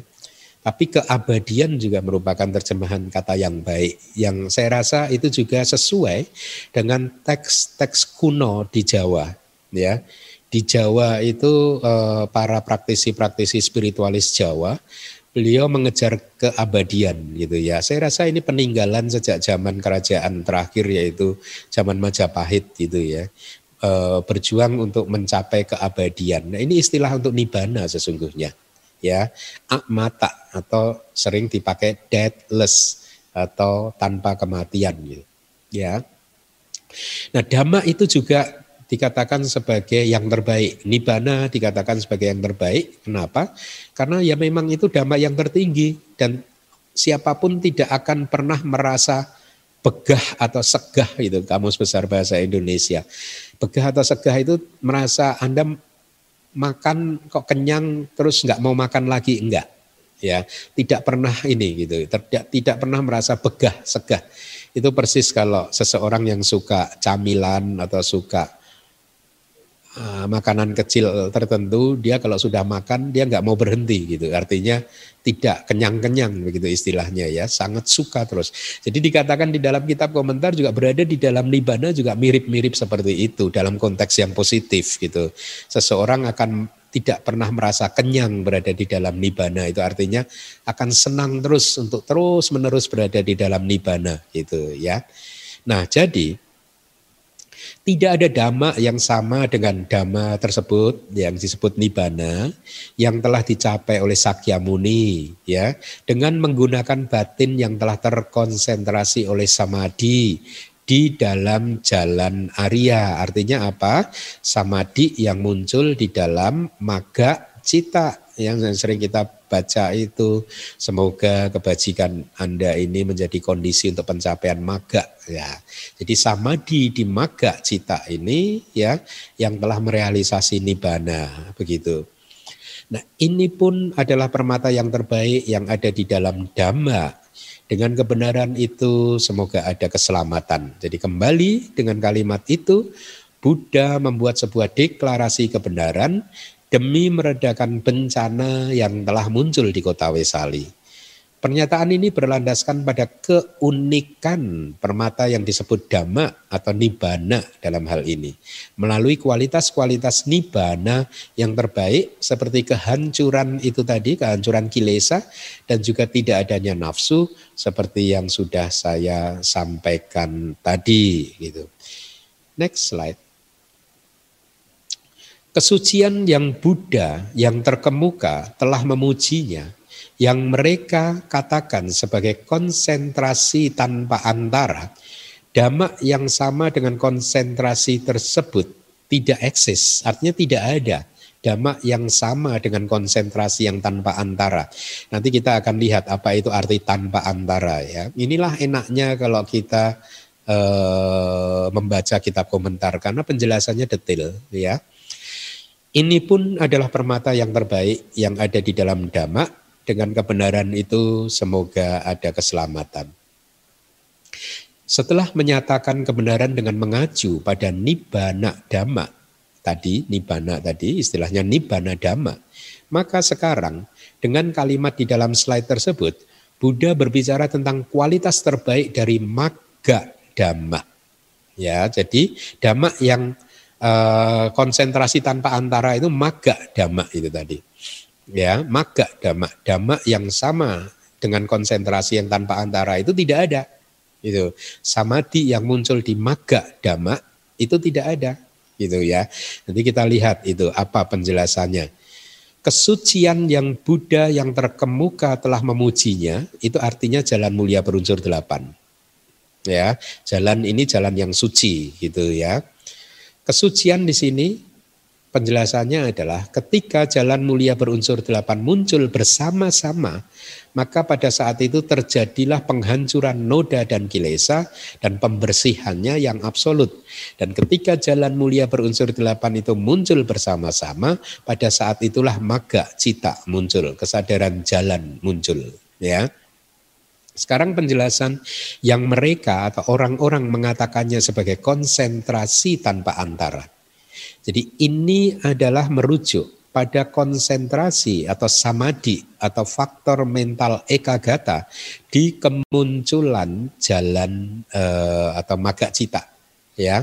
Kenapa disebut sebagai konsentrasi tanpa antara? Karena kemunculan maga cita pasti menghasilkan buahnya persis setelah maga lenyap. Maka disebut tanpa antara gitu. Yaitu buahnya muncul berupa kemunculan apa? Pala gitu. Makanya semoga kebajikan yang saya lakukan ini bisa menjadi kondisi untuk kemunculan maga dan pala. Jadi maga dan pala itu tanpa antara gitu. Beberapa waktu yang lalu ada seseorang mengirimkan satu suta eh, okan. Kalau saya tidak salah okan tanah sang yuta suta gitu ya mungkin ya jadi dikatakan di dalam Sangjutan salah satu suta di Sangjuta Nikaya itu bahwa maga dan palak tidak muncul berurutan tanpa antara karena sutanya mengatakan kira-kira setelah seseorang yang sudah mencapai maga, yang sudah mencapai samata niyama gitu ya, kepastian gitu artinya sudah mencapai maga, maka dia tidak akan meninggal dunia tanpa pernah mencapai palak. Bahkan walaupun kapal harus terbakar, kalau dia belum mencapai palak, maka kapal tidak akan terbakar dan seterusnya. Ya. Nah, ketika saya disampaikan suta tersebut, saya katakan, nah inilah repotnya kalau seseorang nggak mau membaca kitab komentar atau menolak kitab komentar pasti akan kebingungan karena suta-suta yang seperti ini itu artinya seperti ini itu suta-suta yang membutuhkan penjelasan yang lebih spesifik itu banyak sekali tidak hanya suta ini saja gitu. Ya kalau seseorang tidak mau menerima kitab komentar dia akan selalu kebingungan membaca suta apa pun gitu. Nanti membaca abidama bingung membaca suta bingung membaca winaya bingung gitu. Karena nggak mau kitab komentar gitu. Ya kecuali nggak mau apa kecuali tidak bisa membaca. Nah, itu baru makanya harus bertanya kepada siapa yang bisa membacanya gitu. Jadi waktu itu kemudian saya langsung tanpa membaca sutanya ketika diinformasikan seperti itu, saya buka kitab komentarnya dan kitab komentarnya menjelaskan bahwa orang tersebut tidak akan meninggal dunia sebelum mencapai eh, palak dijelaskan di kitab komentar bahwa sesungguhnya ya maga dan palak itu tanpa antara Ya, seperti ini maga dan pala itu tanpa antara gitu. Ya, jadi artinya tidak bisa seseorang mencapai maga detik ini kemudian mencapai palaknya nanti lima tahun lagi nggak bisa gitu. Karena dia itu tanpa antara. Artinya ketika maga muncul dan ketika dia lenyap palak langsung muncul. Tidak ada yang menghalangi di antara keduanya itu gitu ya. Nah, kembali lagi oleh karena ketika konsentrasi maga muncul, maka tidak akan ada apa pun yang bisa menghambat kemunculan buah. Nah ini kitab komentar ini mirip. Yang di Ratana Sutta ini, kitab komentarnya mirip penjelasannya seperti yang di Okantana Sutta itu kemarin itu, yang tadi saya sampaikan tadi gitu. Tidak ada apa pun yang menghambat atau menghalangi yang berada di antaranya gitu. Makanya disebut tanpa antara. Berikutnya, dhamma yang sama dengan konsentrasi yang tanpa antara tersebut tidak eksis. Ya, artinya tidak ada yang menyamai konsentrasi yang tanpa antara tadi. Ingat ya konsentrasi yang tanpa antara itu adalah samadhi di maga cita. Apakah itu jana materi halus? Jadi kan sering kan Anda berlatih untuk mencapai jana materi halus, jana non materi itu pun tidak sebanding dengan konsentrasi yang tanpa antara tadi itu. Kenapa begitu? Karena meskipun Anda mempunyai jana materi halus atau jana non materi ya, maka anda mungkin setelah kelahiran ini, kalau jana itu tidak hilang, akan lahir di surga para Brahma. Akan lahir di alam Brahma. Tapi setelah itu bisa saja yang bersangkutan lahir di neraka atau di bumi-bumi yang lainnya. Ya meskipun para Brahma setelah habis usianya di sana tidak bisa langsung terlahir di neraka atau di apa ya, tetapi karena dia masih putu jana, maka pintu apa ya masih terbuka. Artinya sewaktu-waktu di kelahiran yang berikutnya, dia masih bisa masuk ke apa ya gitu. Ya apa pun itu, setelah meninggal dunia dari bumi Brahma, dia masih harus terlahir lagi. Itu ya. Nah, akan tetapi ketika seseorang sudah mengembangkan arahata samadhi ya, istilahnya ini. Arahata samadhi artinya samadhi yang muncul di buah kearahantaan artinya ini seorang sudah mencapai jalan arahata atau jalan kearahantaan dan kemudian sudah mencapai buah kearahan kearahantaan gitu. Jadi artinya kembali lagi ketika seseorang sudah mengembangkan arahata samadhi, konsentrasi seorang arahat di dalam maga dan pala kearahantaan itu tadi, maka dia mencapai kehancuran dari semua yang memiliki sifat kemunculan di kelahiran berikutnya. Bagus ya kalimatnya ya. Dia mencapai kehancuran dari semua dhamma yang mempunyai sifat kemunculan di kelahiran berikutnya. Itulah mengapa beliau tidak lahir lagi. Ya karena di apa pun yang muncul di kelahiran berikutnya hancur. Ya, itulah mengapa seorang arahat tidak lahir. Nah, ini pun adalah permata yang terbaik yang ada di dalam dhamma. Dengan kebenaran itu semoga ada keselamatan. Jadi kembali Buddha membuat sebuah deklarasi kebenaran demi meredakan bencana yang telah muncul di kota Wesali. Pernyataan ini berlandaskan pada keunikan permata yang disebut disebut maga dhamma melalui kualitas-kualitas maga yang terbaik seperti yang tadi dijelaskan. Salah satu keunikan dari kualitas maga adalah kemampuannya untuk menghancurkan kilesa. Jadi kalau Anda ingin menghancurkan kilesa-kilesa Anda, Anda harus berjuang, bermeditasi untuk kemudian mampu memunculkan maga atau jalan ya. Nah, jadi eh, perlu dicatat bahwa perintah-perintah melalui stansa-stansa ini semu, eh, semuanya diterima oleh kodi sata sahasa cakak walesu ak manusehi itu ya. Artinya diterima oleh seratus ribu kodi kodi itu kembali lagi 10 juta berarti 10 juta dikalikan 100 ribu cakak wala sistem dunia ak manusia para ak manusia. Ya jadi ini bisa ak manusia itu tidak hanya setan jin makhluk halus yang jahat ternyata juga termasuk para dewa eh, baik itu dewa lingkup indriawi maupun dewa yang lingkup materi halus. Dan ingat dewa yang non materi atau arupa brahma tidak termasuk di sini. Kenapa? Ya Anda logika Anda coba dibayangkan arupa Brahma atau Brahma yang tidak memiliki tubuh atau Brahma non materi adalah Brahma yang tidak memiliki tubuh jasmani. Karena dia tidak memiliki tubuh jasmani, maka mereka tidak mempunyai telinga, sehingga mereka tidak bisa mendengarkan, mereka juga tidak bisa mempunyai tidak mempunyai mata, sehingga mereka juga tidak bisa melihat Buddha. Oleh karena itu, terlahir sebagai arupa Brahma dalam keadaan masih menjadi putu jana itu adalah keadaan yang rugi. Tidak menguntungkan. Kenapa? Karena ketika Putu Jana lahir di Arupa Brahma, maka dia harus berada di sana untuk jangka waktu yang lama sekali tanpa pernah bisa mempunyai kesempatan untuk menjadi seorang sotapana Arya. Ya, kenapa? Karena untuk menjadi seorang Arya, siapa pun itu juga membutuhkan mata dan telinga mata dan telinga. Mata untuk melihat Buddha, untuk melihat guru, telinga untuk mendengarkan ajaran Buddha. Ya, nah, para arupa Brahma tadi tidak mempunyai mata dan telinga. Itulah mengapa ketika Pak uh, Buddha baru saja tercerahkan dan kemudian setelah mengabulkan permohonan dari Brahma Sahampati untuk membabarkan dhamma. Kemudian Buddha sempat merenung sebentar siapa yang akan uh, menjadi penerima pertama dari pembabaran dhamma uh, Buddha begitu ya. Dan pada waktu itu Buddha terpikir kepada dua guru meditasinya yang pertama kali yaitu Alara Kalama dan Udaka Ramaputa. Singkat cerita Buddha kemudian mencoba mengamati dengan kekuatan batinnya, Alara Kalama dan Udaka Ramaputa ada di mana? Dan beliau mengetahui kemudian bahwa keduanya telah meninggal dunia dan masing-masing telah terlahir di alam Brahma non e, materi gitu.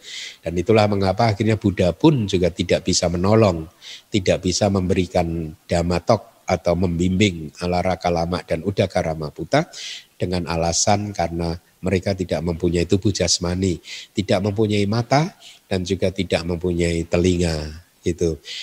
Baik, saya rasa itu uh, penjelasan suta Ratana Suta yang kedua ya. Kita masih mempunyai mudah-mudahan satu atau dua kelas lagi selesai dan kemudian kita akan coba belajar suta yang baru uh, lagi gitu. Terima kasih, semoga bermanfaat. Sadu, sadu, sadu. Anumodana Bante atas penjelasan suta yang telah disampaikan kepada kami pagi ini. Semoga kami semua mendapatkan manfaat tertinggi dari pendengaran dhamma ini. Bagi Kalimita yang membutuhkan slide kelas Pariyati Sasana ini dapat mengunduhnya di website DBS di www.damawihari.or.id atau ada di tautan pada deskripsi YouTube ceramah kelas Pariyati Sasana. Selanjutnya kita akan memasuki sesi tanya jawab dan untuk itu kami akan bacakan kembali tata tertib sesi tanya jawab ini. Bagi Kalimita yang ingin bertanya, silahkan klik tanda raise hand, di mana fitur ini ada di bagian reaction, di bagian bawah kanan bagi yang menggunakan hand, uh, komputer, dan ada di bagian more bagi yang menggunakan handphone. Host akan menentukan siapa yang mendapatkan giliran untuk bertanya, dan diharapkan pertanyaan sesuai dengan topik ceramah. Bagi Kalimita yang diperbolehkan bertanya, akan di-unmute oleh host dan um, kami minta kalian kalian minta untuk memperkenalkan diri dengan menyebutkan nama serta kota atau negara tempat domisili. Dikarenakan adanya keterbatasan waktu, maka harap maklum apabila tidak semua penanya akan mendapatkan giliran. Ya. Kesempatan pertama, apakah sudah ada yang raise hand? Oke, okay. uh, eh, kami berikan kesempatan pertama kepada saudara Joni.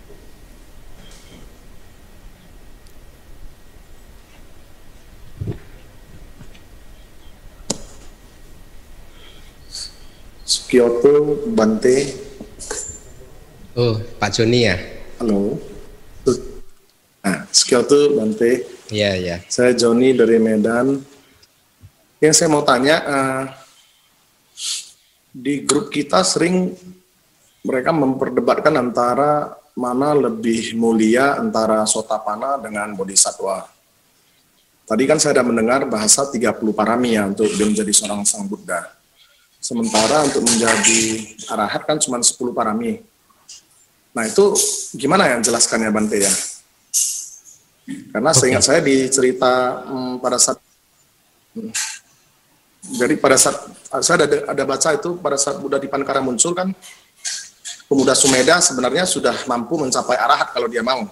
Tapi karena hmm. dia keagungan seorang Buddha di Bantara, dia ingin menjadi Buddha dan demi menolong semua makhluk dan dia nggak mau selamat sendiri, maka dia mau menjalani uh, uh, jalan bodhisattva itu.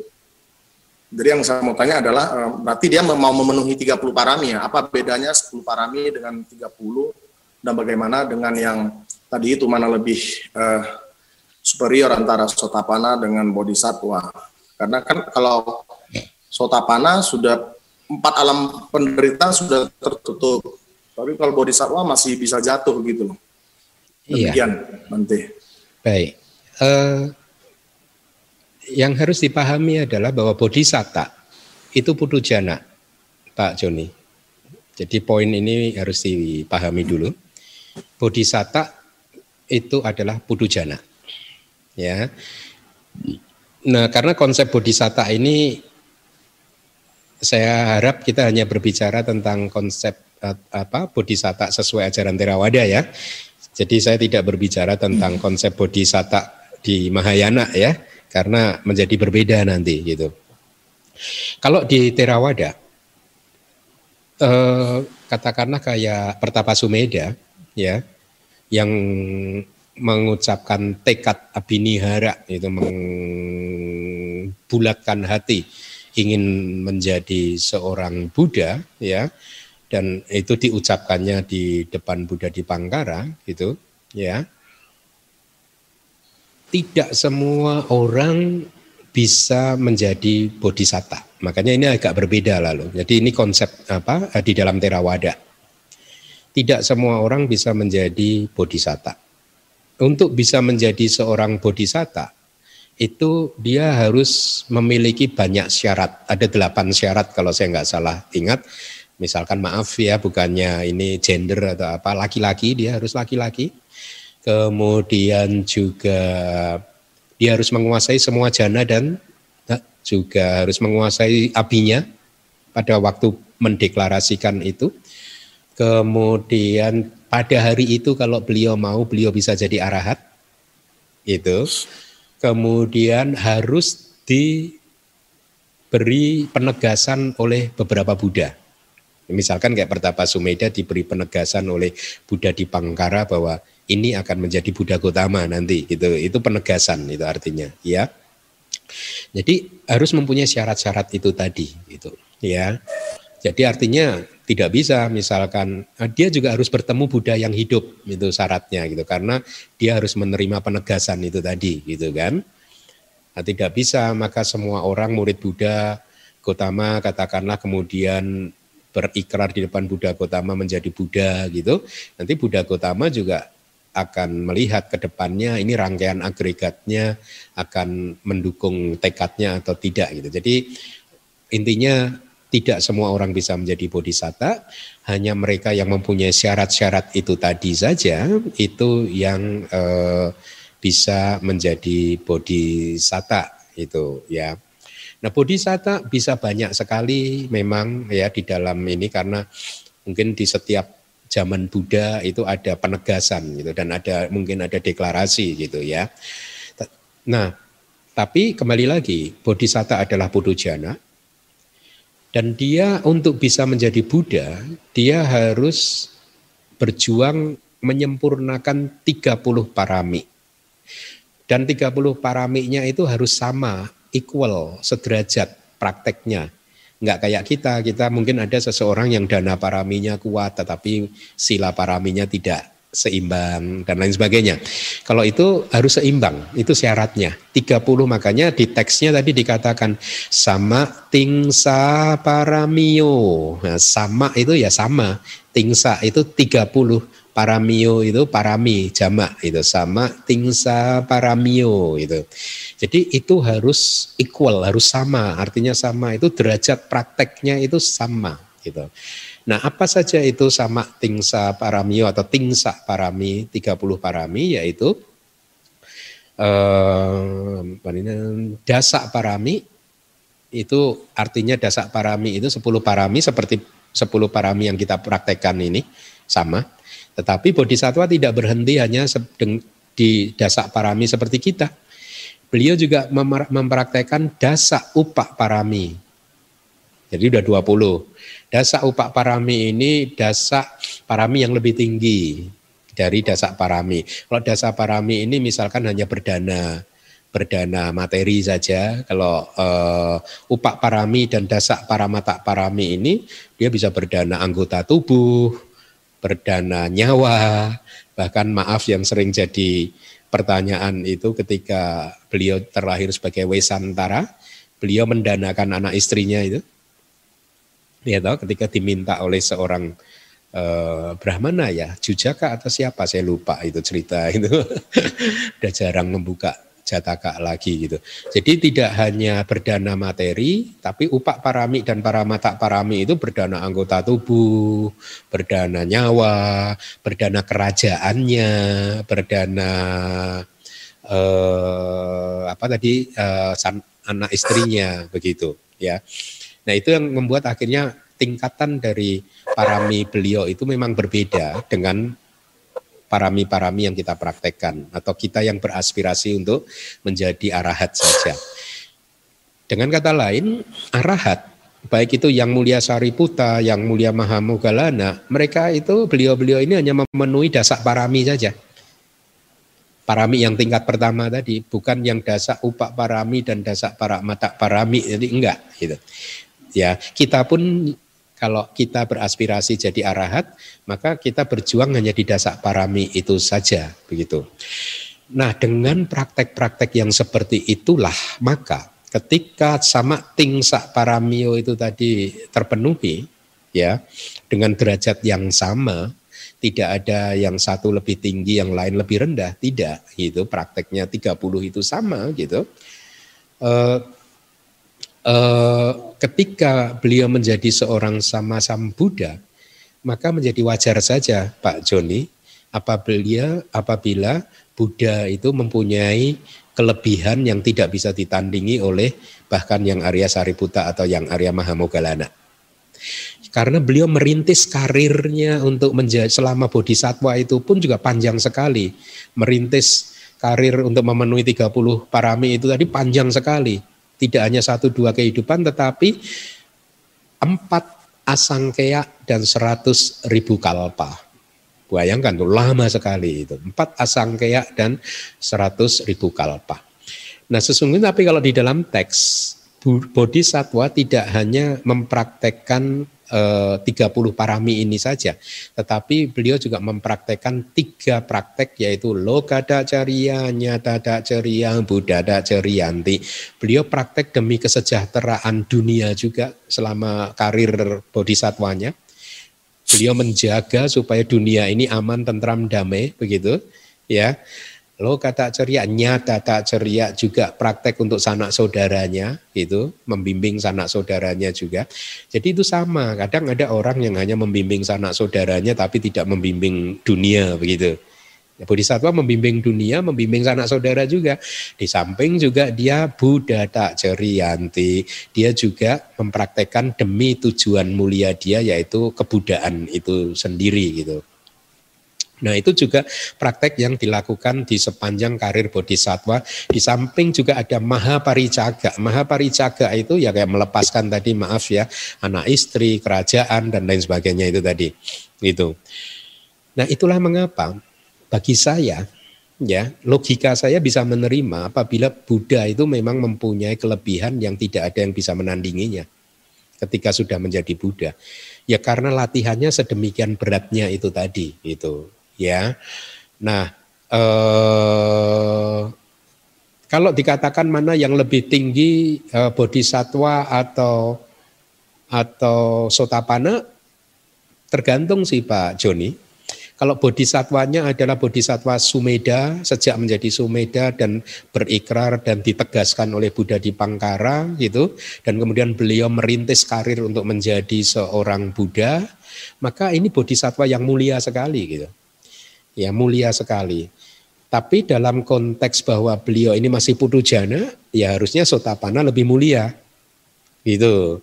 Tergantung tergantung sudut pandangnya sih. Bodhisatwa bodhisatwa kita itu sangat mulia karena meskipun beliau bisa menjadi seorang arahat, beliau nggak mau kemudian memilih untuk menempuh karir bodhisatwa tadi selama empat asangkya seratus ribu kalpa, maka ini pun juga mulia sesungguhnya.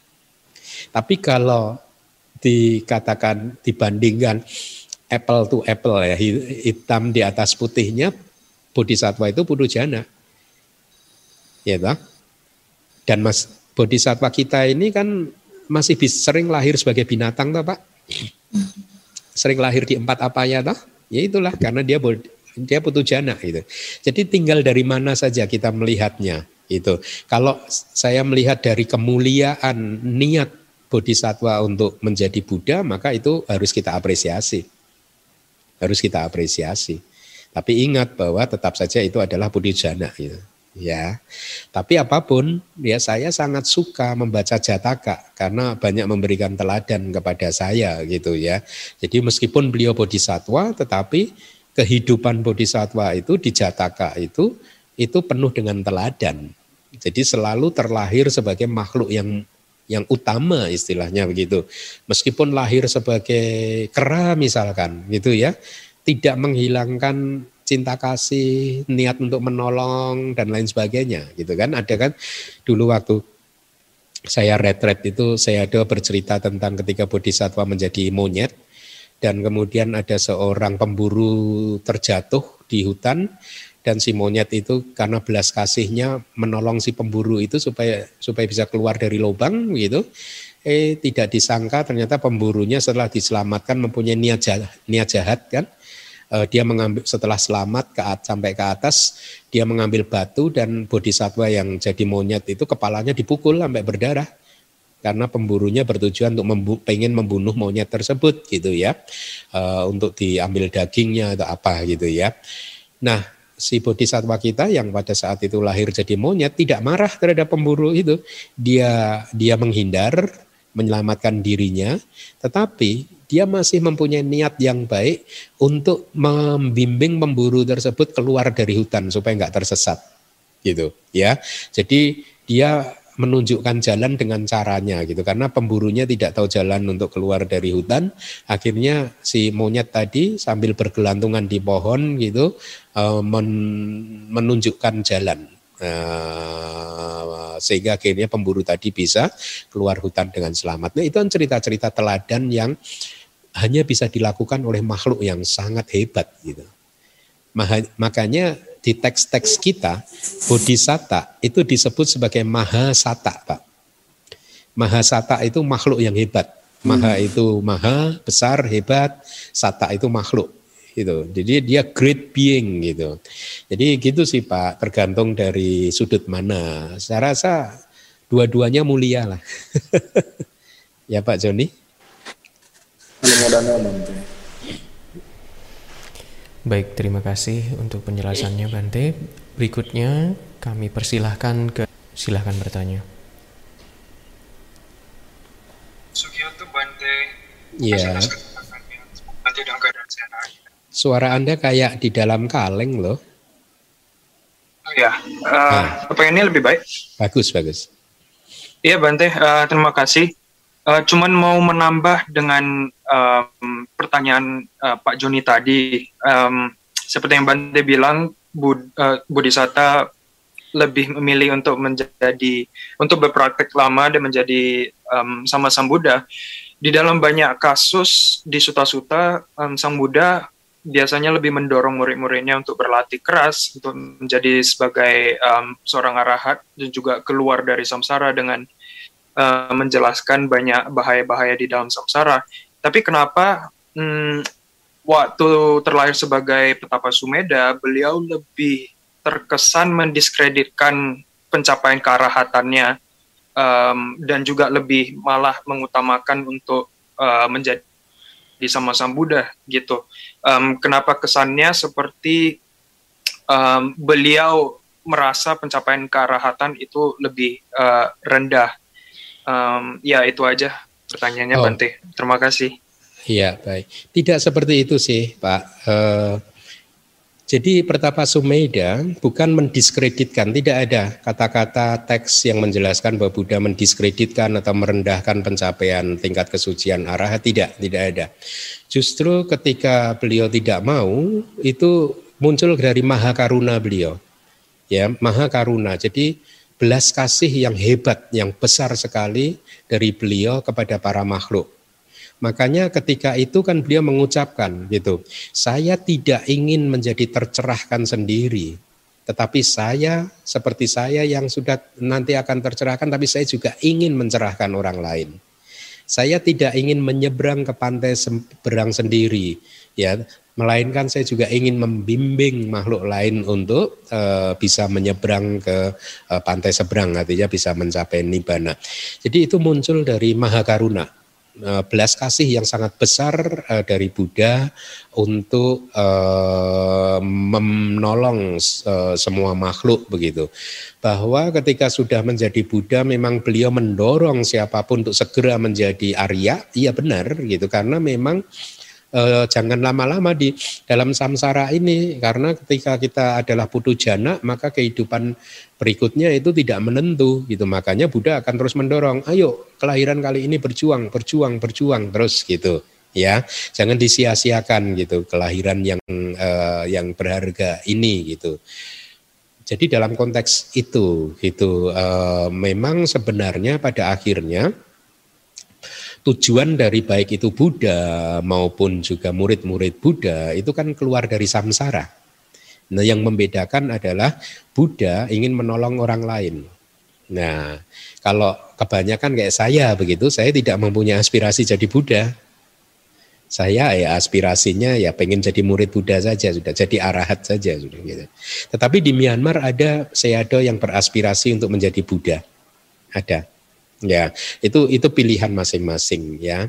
Nah, tetapi dengan dengan praktek yang berbeda-beda, misalkan kalau ada seseorang beraspirasi menjadi Buddha, ya maka dia harus eh, tadi kayak eh, apa berjuang menguasai semua jana, menguasai semua apinya gitu ya. Kemudian juga eh, ber, sanggup atau mau memenuhi 30 parami dan lain sebagainya. Atau dengan syarat-syarat yang tadi yang sudah saya sebutkan e, harus menerima penegasan dari Buddha yang masih hidup dan seterusnya. Begitu sih, e, tidak ada sih pendiskreditan e, tingkat kesucian arahat, tidak. Justru itu muncul dari maha karunanya beliau karena beliau tidak ingin tercerahkan sendiri, melainkan dia ingin juga supaya bisa menolong orang lain juga. Begitu. Baik, terima kasih Bante untuk penjelasannya. Pertanyaan berikutnya kami berikan kesempatan kepada saudara Reynold Andika. Kami persilahkan. Wandami Bante, Sukihotu. Ya. Uh, Bante untuk uh, parita untuk suta ini kan uh, diklasifikasikan juga uh, sebagai parita ya Bante. Saya ingin bertanya mengenai parita. Uh, kalau dulu di waktu masih kebaktian atau kelas di hari Minggu kan ada kita suka membacakan yang disebut baiknya penghormatan kepada tiratana untuk ketenangan dan memunculkan dorongan untuk berlatih. Nah, eh, apa? Ini, kenapa? Maaf, yang terakhir apa? Oh, uh, waktu di DBS itu kan kalau dulu waktu kita masih bisa berkumpul itu kan kita membacakan yang uh, satu bait yang disebutkan penghormatan kepada tiratana untuk ketenangan dan memunculkan dorongan untuk berlatih, Bante. Memunculkan apa, Pak? Dorongan untuk berlatih. Oh, oke. Okay. Ah, nah, ini uh, sebenarnya apakah lebih ke arah uh, parita atau puja, Bante? Dan apakah ini cocok uh, misalkan untuk dibacakan? Anda agak pecah loh. Lebih ke oh. arah parita atau apa? Puja, Bante. Puja, oh. Oh iya, dan apakah uh, ini cocok untuk dibacakan uh, untuk misalkan upacara perkabungan atau sebagainya Bante. Hmm, ya suara Anda agak pecah, tapi mudah-mudahan saya tidak salah menangkap eh, pertanyaan Anda begitu. Uh,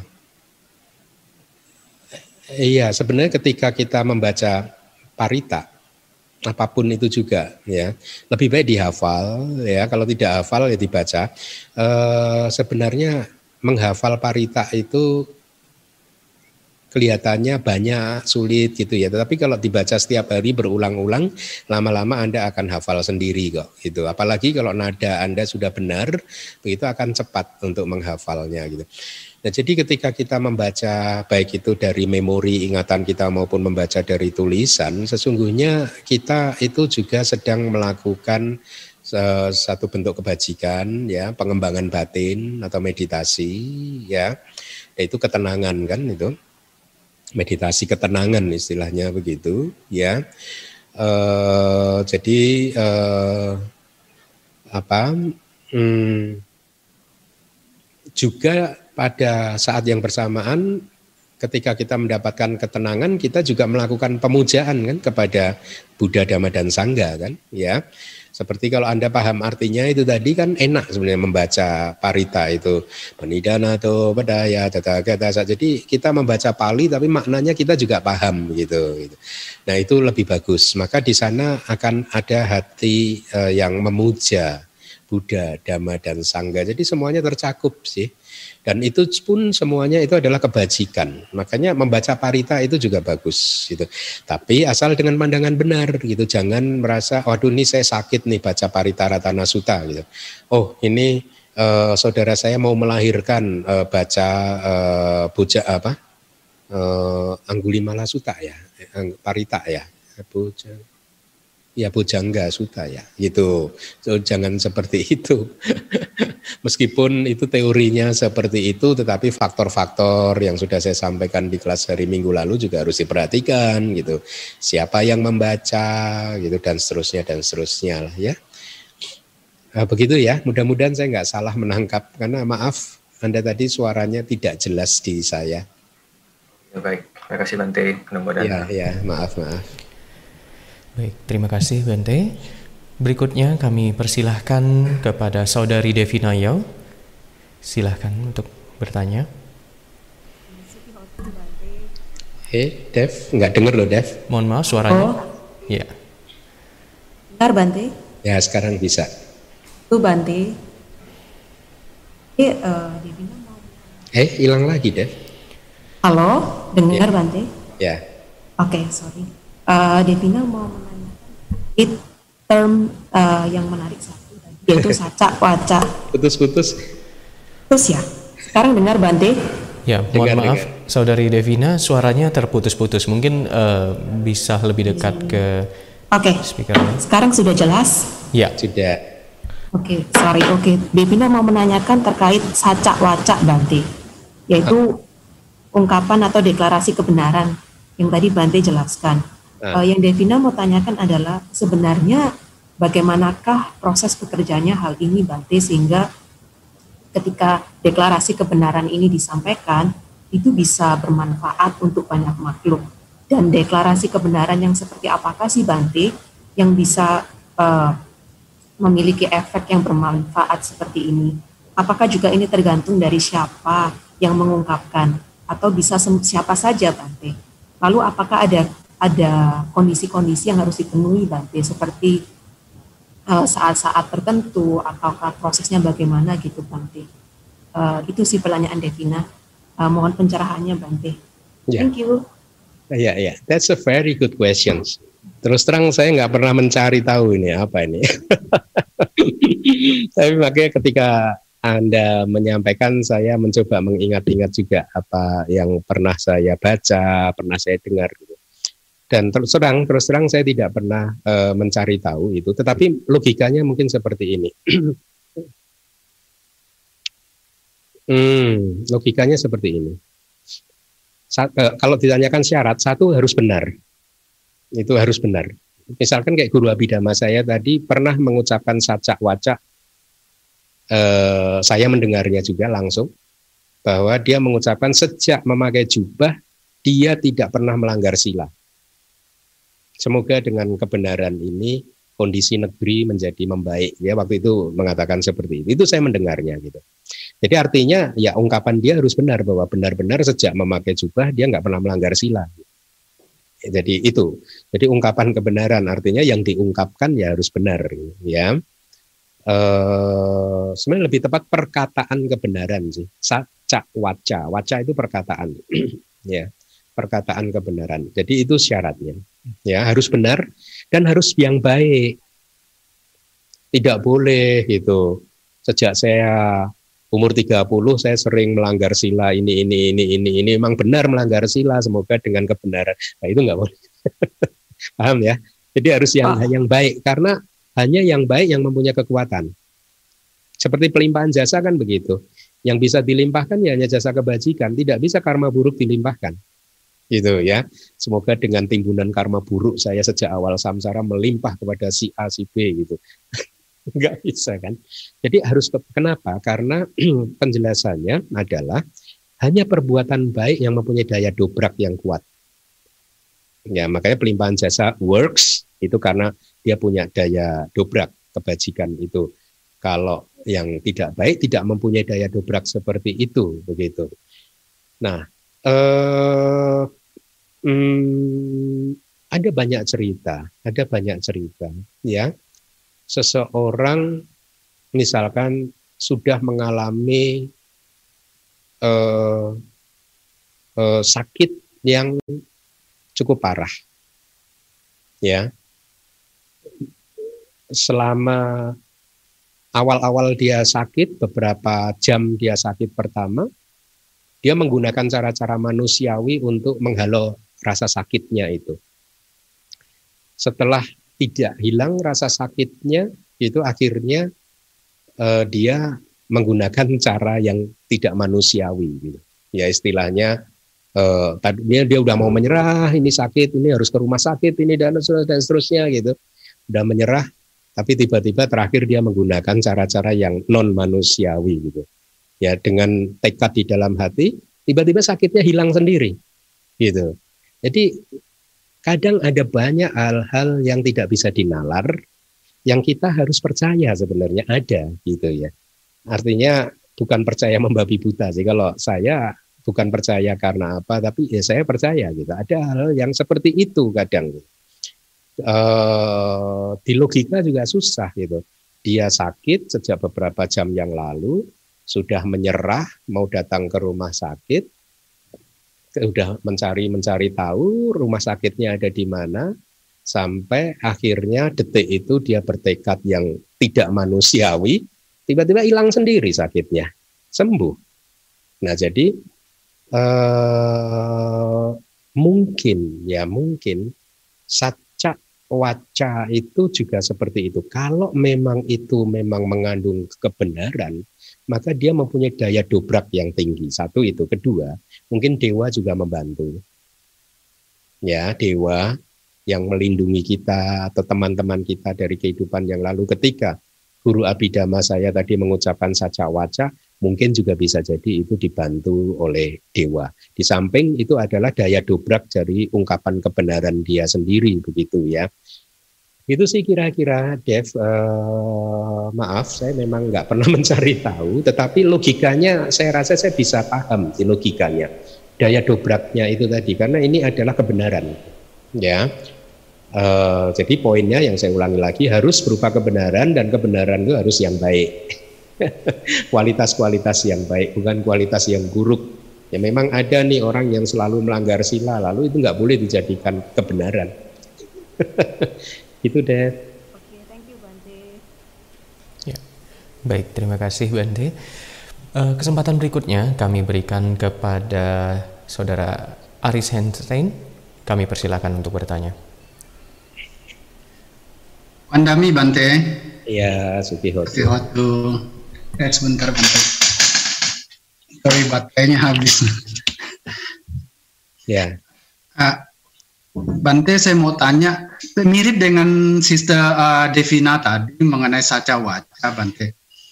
Uh, saya melihat dari sisi hukumnya gitu, atau apa niamannya, itu sebenarnya saca waca itu bagaimana sehingga satu ungkapan kebenaran ini gitu kan tentu yang baik untuk harapan yang baik. Nah itu harapannya bisa jadi kenyataan. Jadi hukum apa yang bekerja gitu Bante?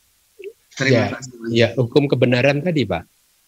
Kalau ditanyakan hukum yang bekerja ya hukum kebenaran. Makanya memang benar-benar harus benar dan itu harus baik ya harus sesuatu yang baik itu.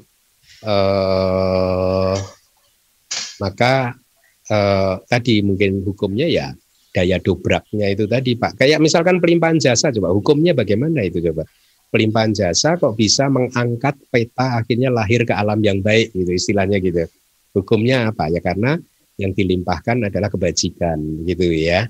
Jadi ketika si peta itu menerima mengetahui bahwa sanak familinya yang masih hidup ingat kepada dia dan melimpahkan kebajikan kepada uh, dia, maka dia rejoice, sadu-sadu, akhirnya malah bisa keluar dari alam peta. Jadi kalau dikatakan hukumnya ya hukum kebenaran, tapi memang terus terang saya nggak pernah mencari tahu ini saya juga tidak tahu ini cari penjelasannya. Coba nanti saya kalau ini saya carinya ya, sacak wajah, sacak wajah gitu ya. Ininya bagaimana? Tetapi uh, saya bisa memahami logikanya bahwa itu bisa terjadi. Saya bisa menerima itu karena ada banyak contoh yang lain juga gitu ya yang yang uh, saya tahu itu terjadi itu ada banyak contoh. Jadi banyak hal-hal yang ketika kita mengedepankan kebajikan, maka segala sesuatu itu e, menjadi baik akhirnya, begitu. Itu banyak contohnya, gitu. Jadi mudah-mudahan saya nanti bisa mencari penjelasannya di kitab-kitab komentar atau sub komentar, tetapi logikanya sih ya seperti yang tadi saya jawab ke Devina tadi Pak Aris gitu, daya dobraknya atau mungkin juga para dewa membantunya mungkin ya. Tapi ini ini pendapat saya kan? Ya, Anumodana Bante baik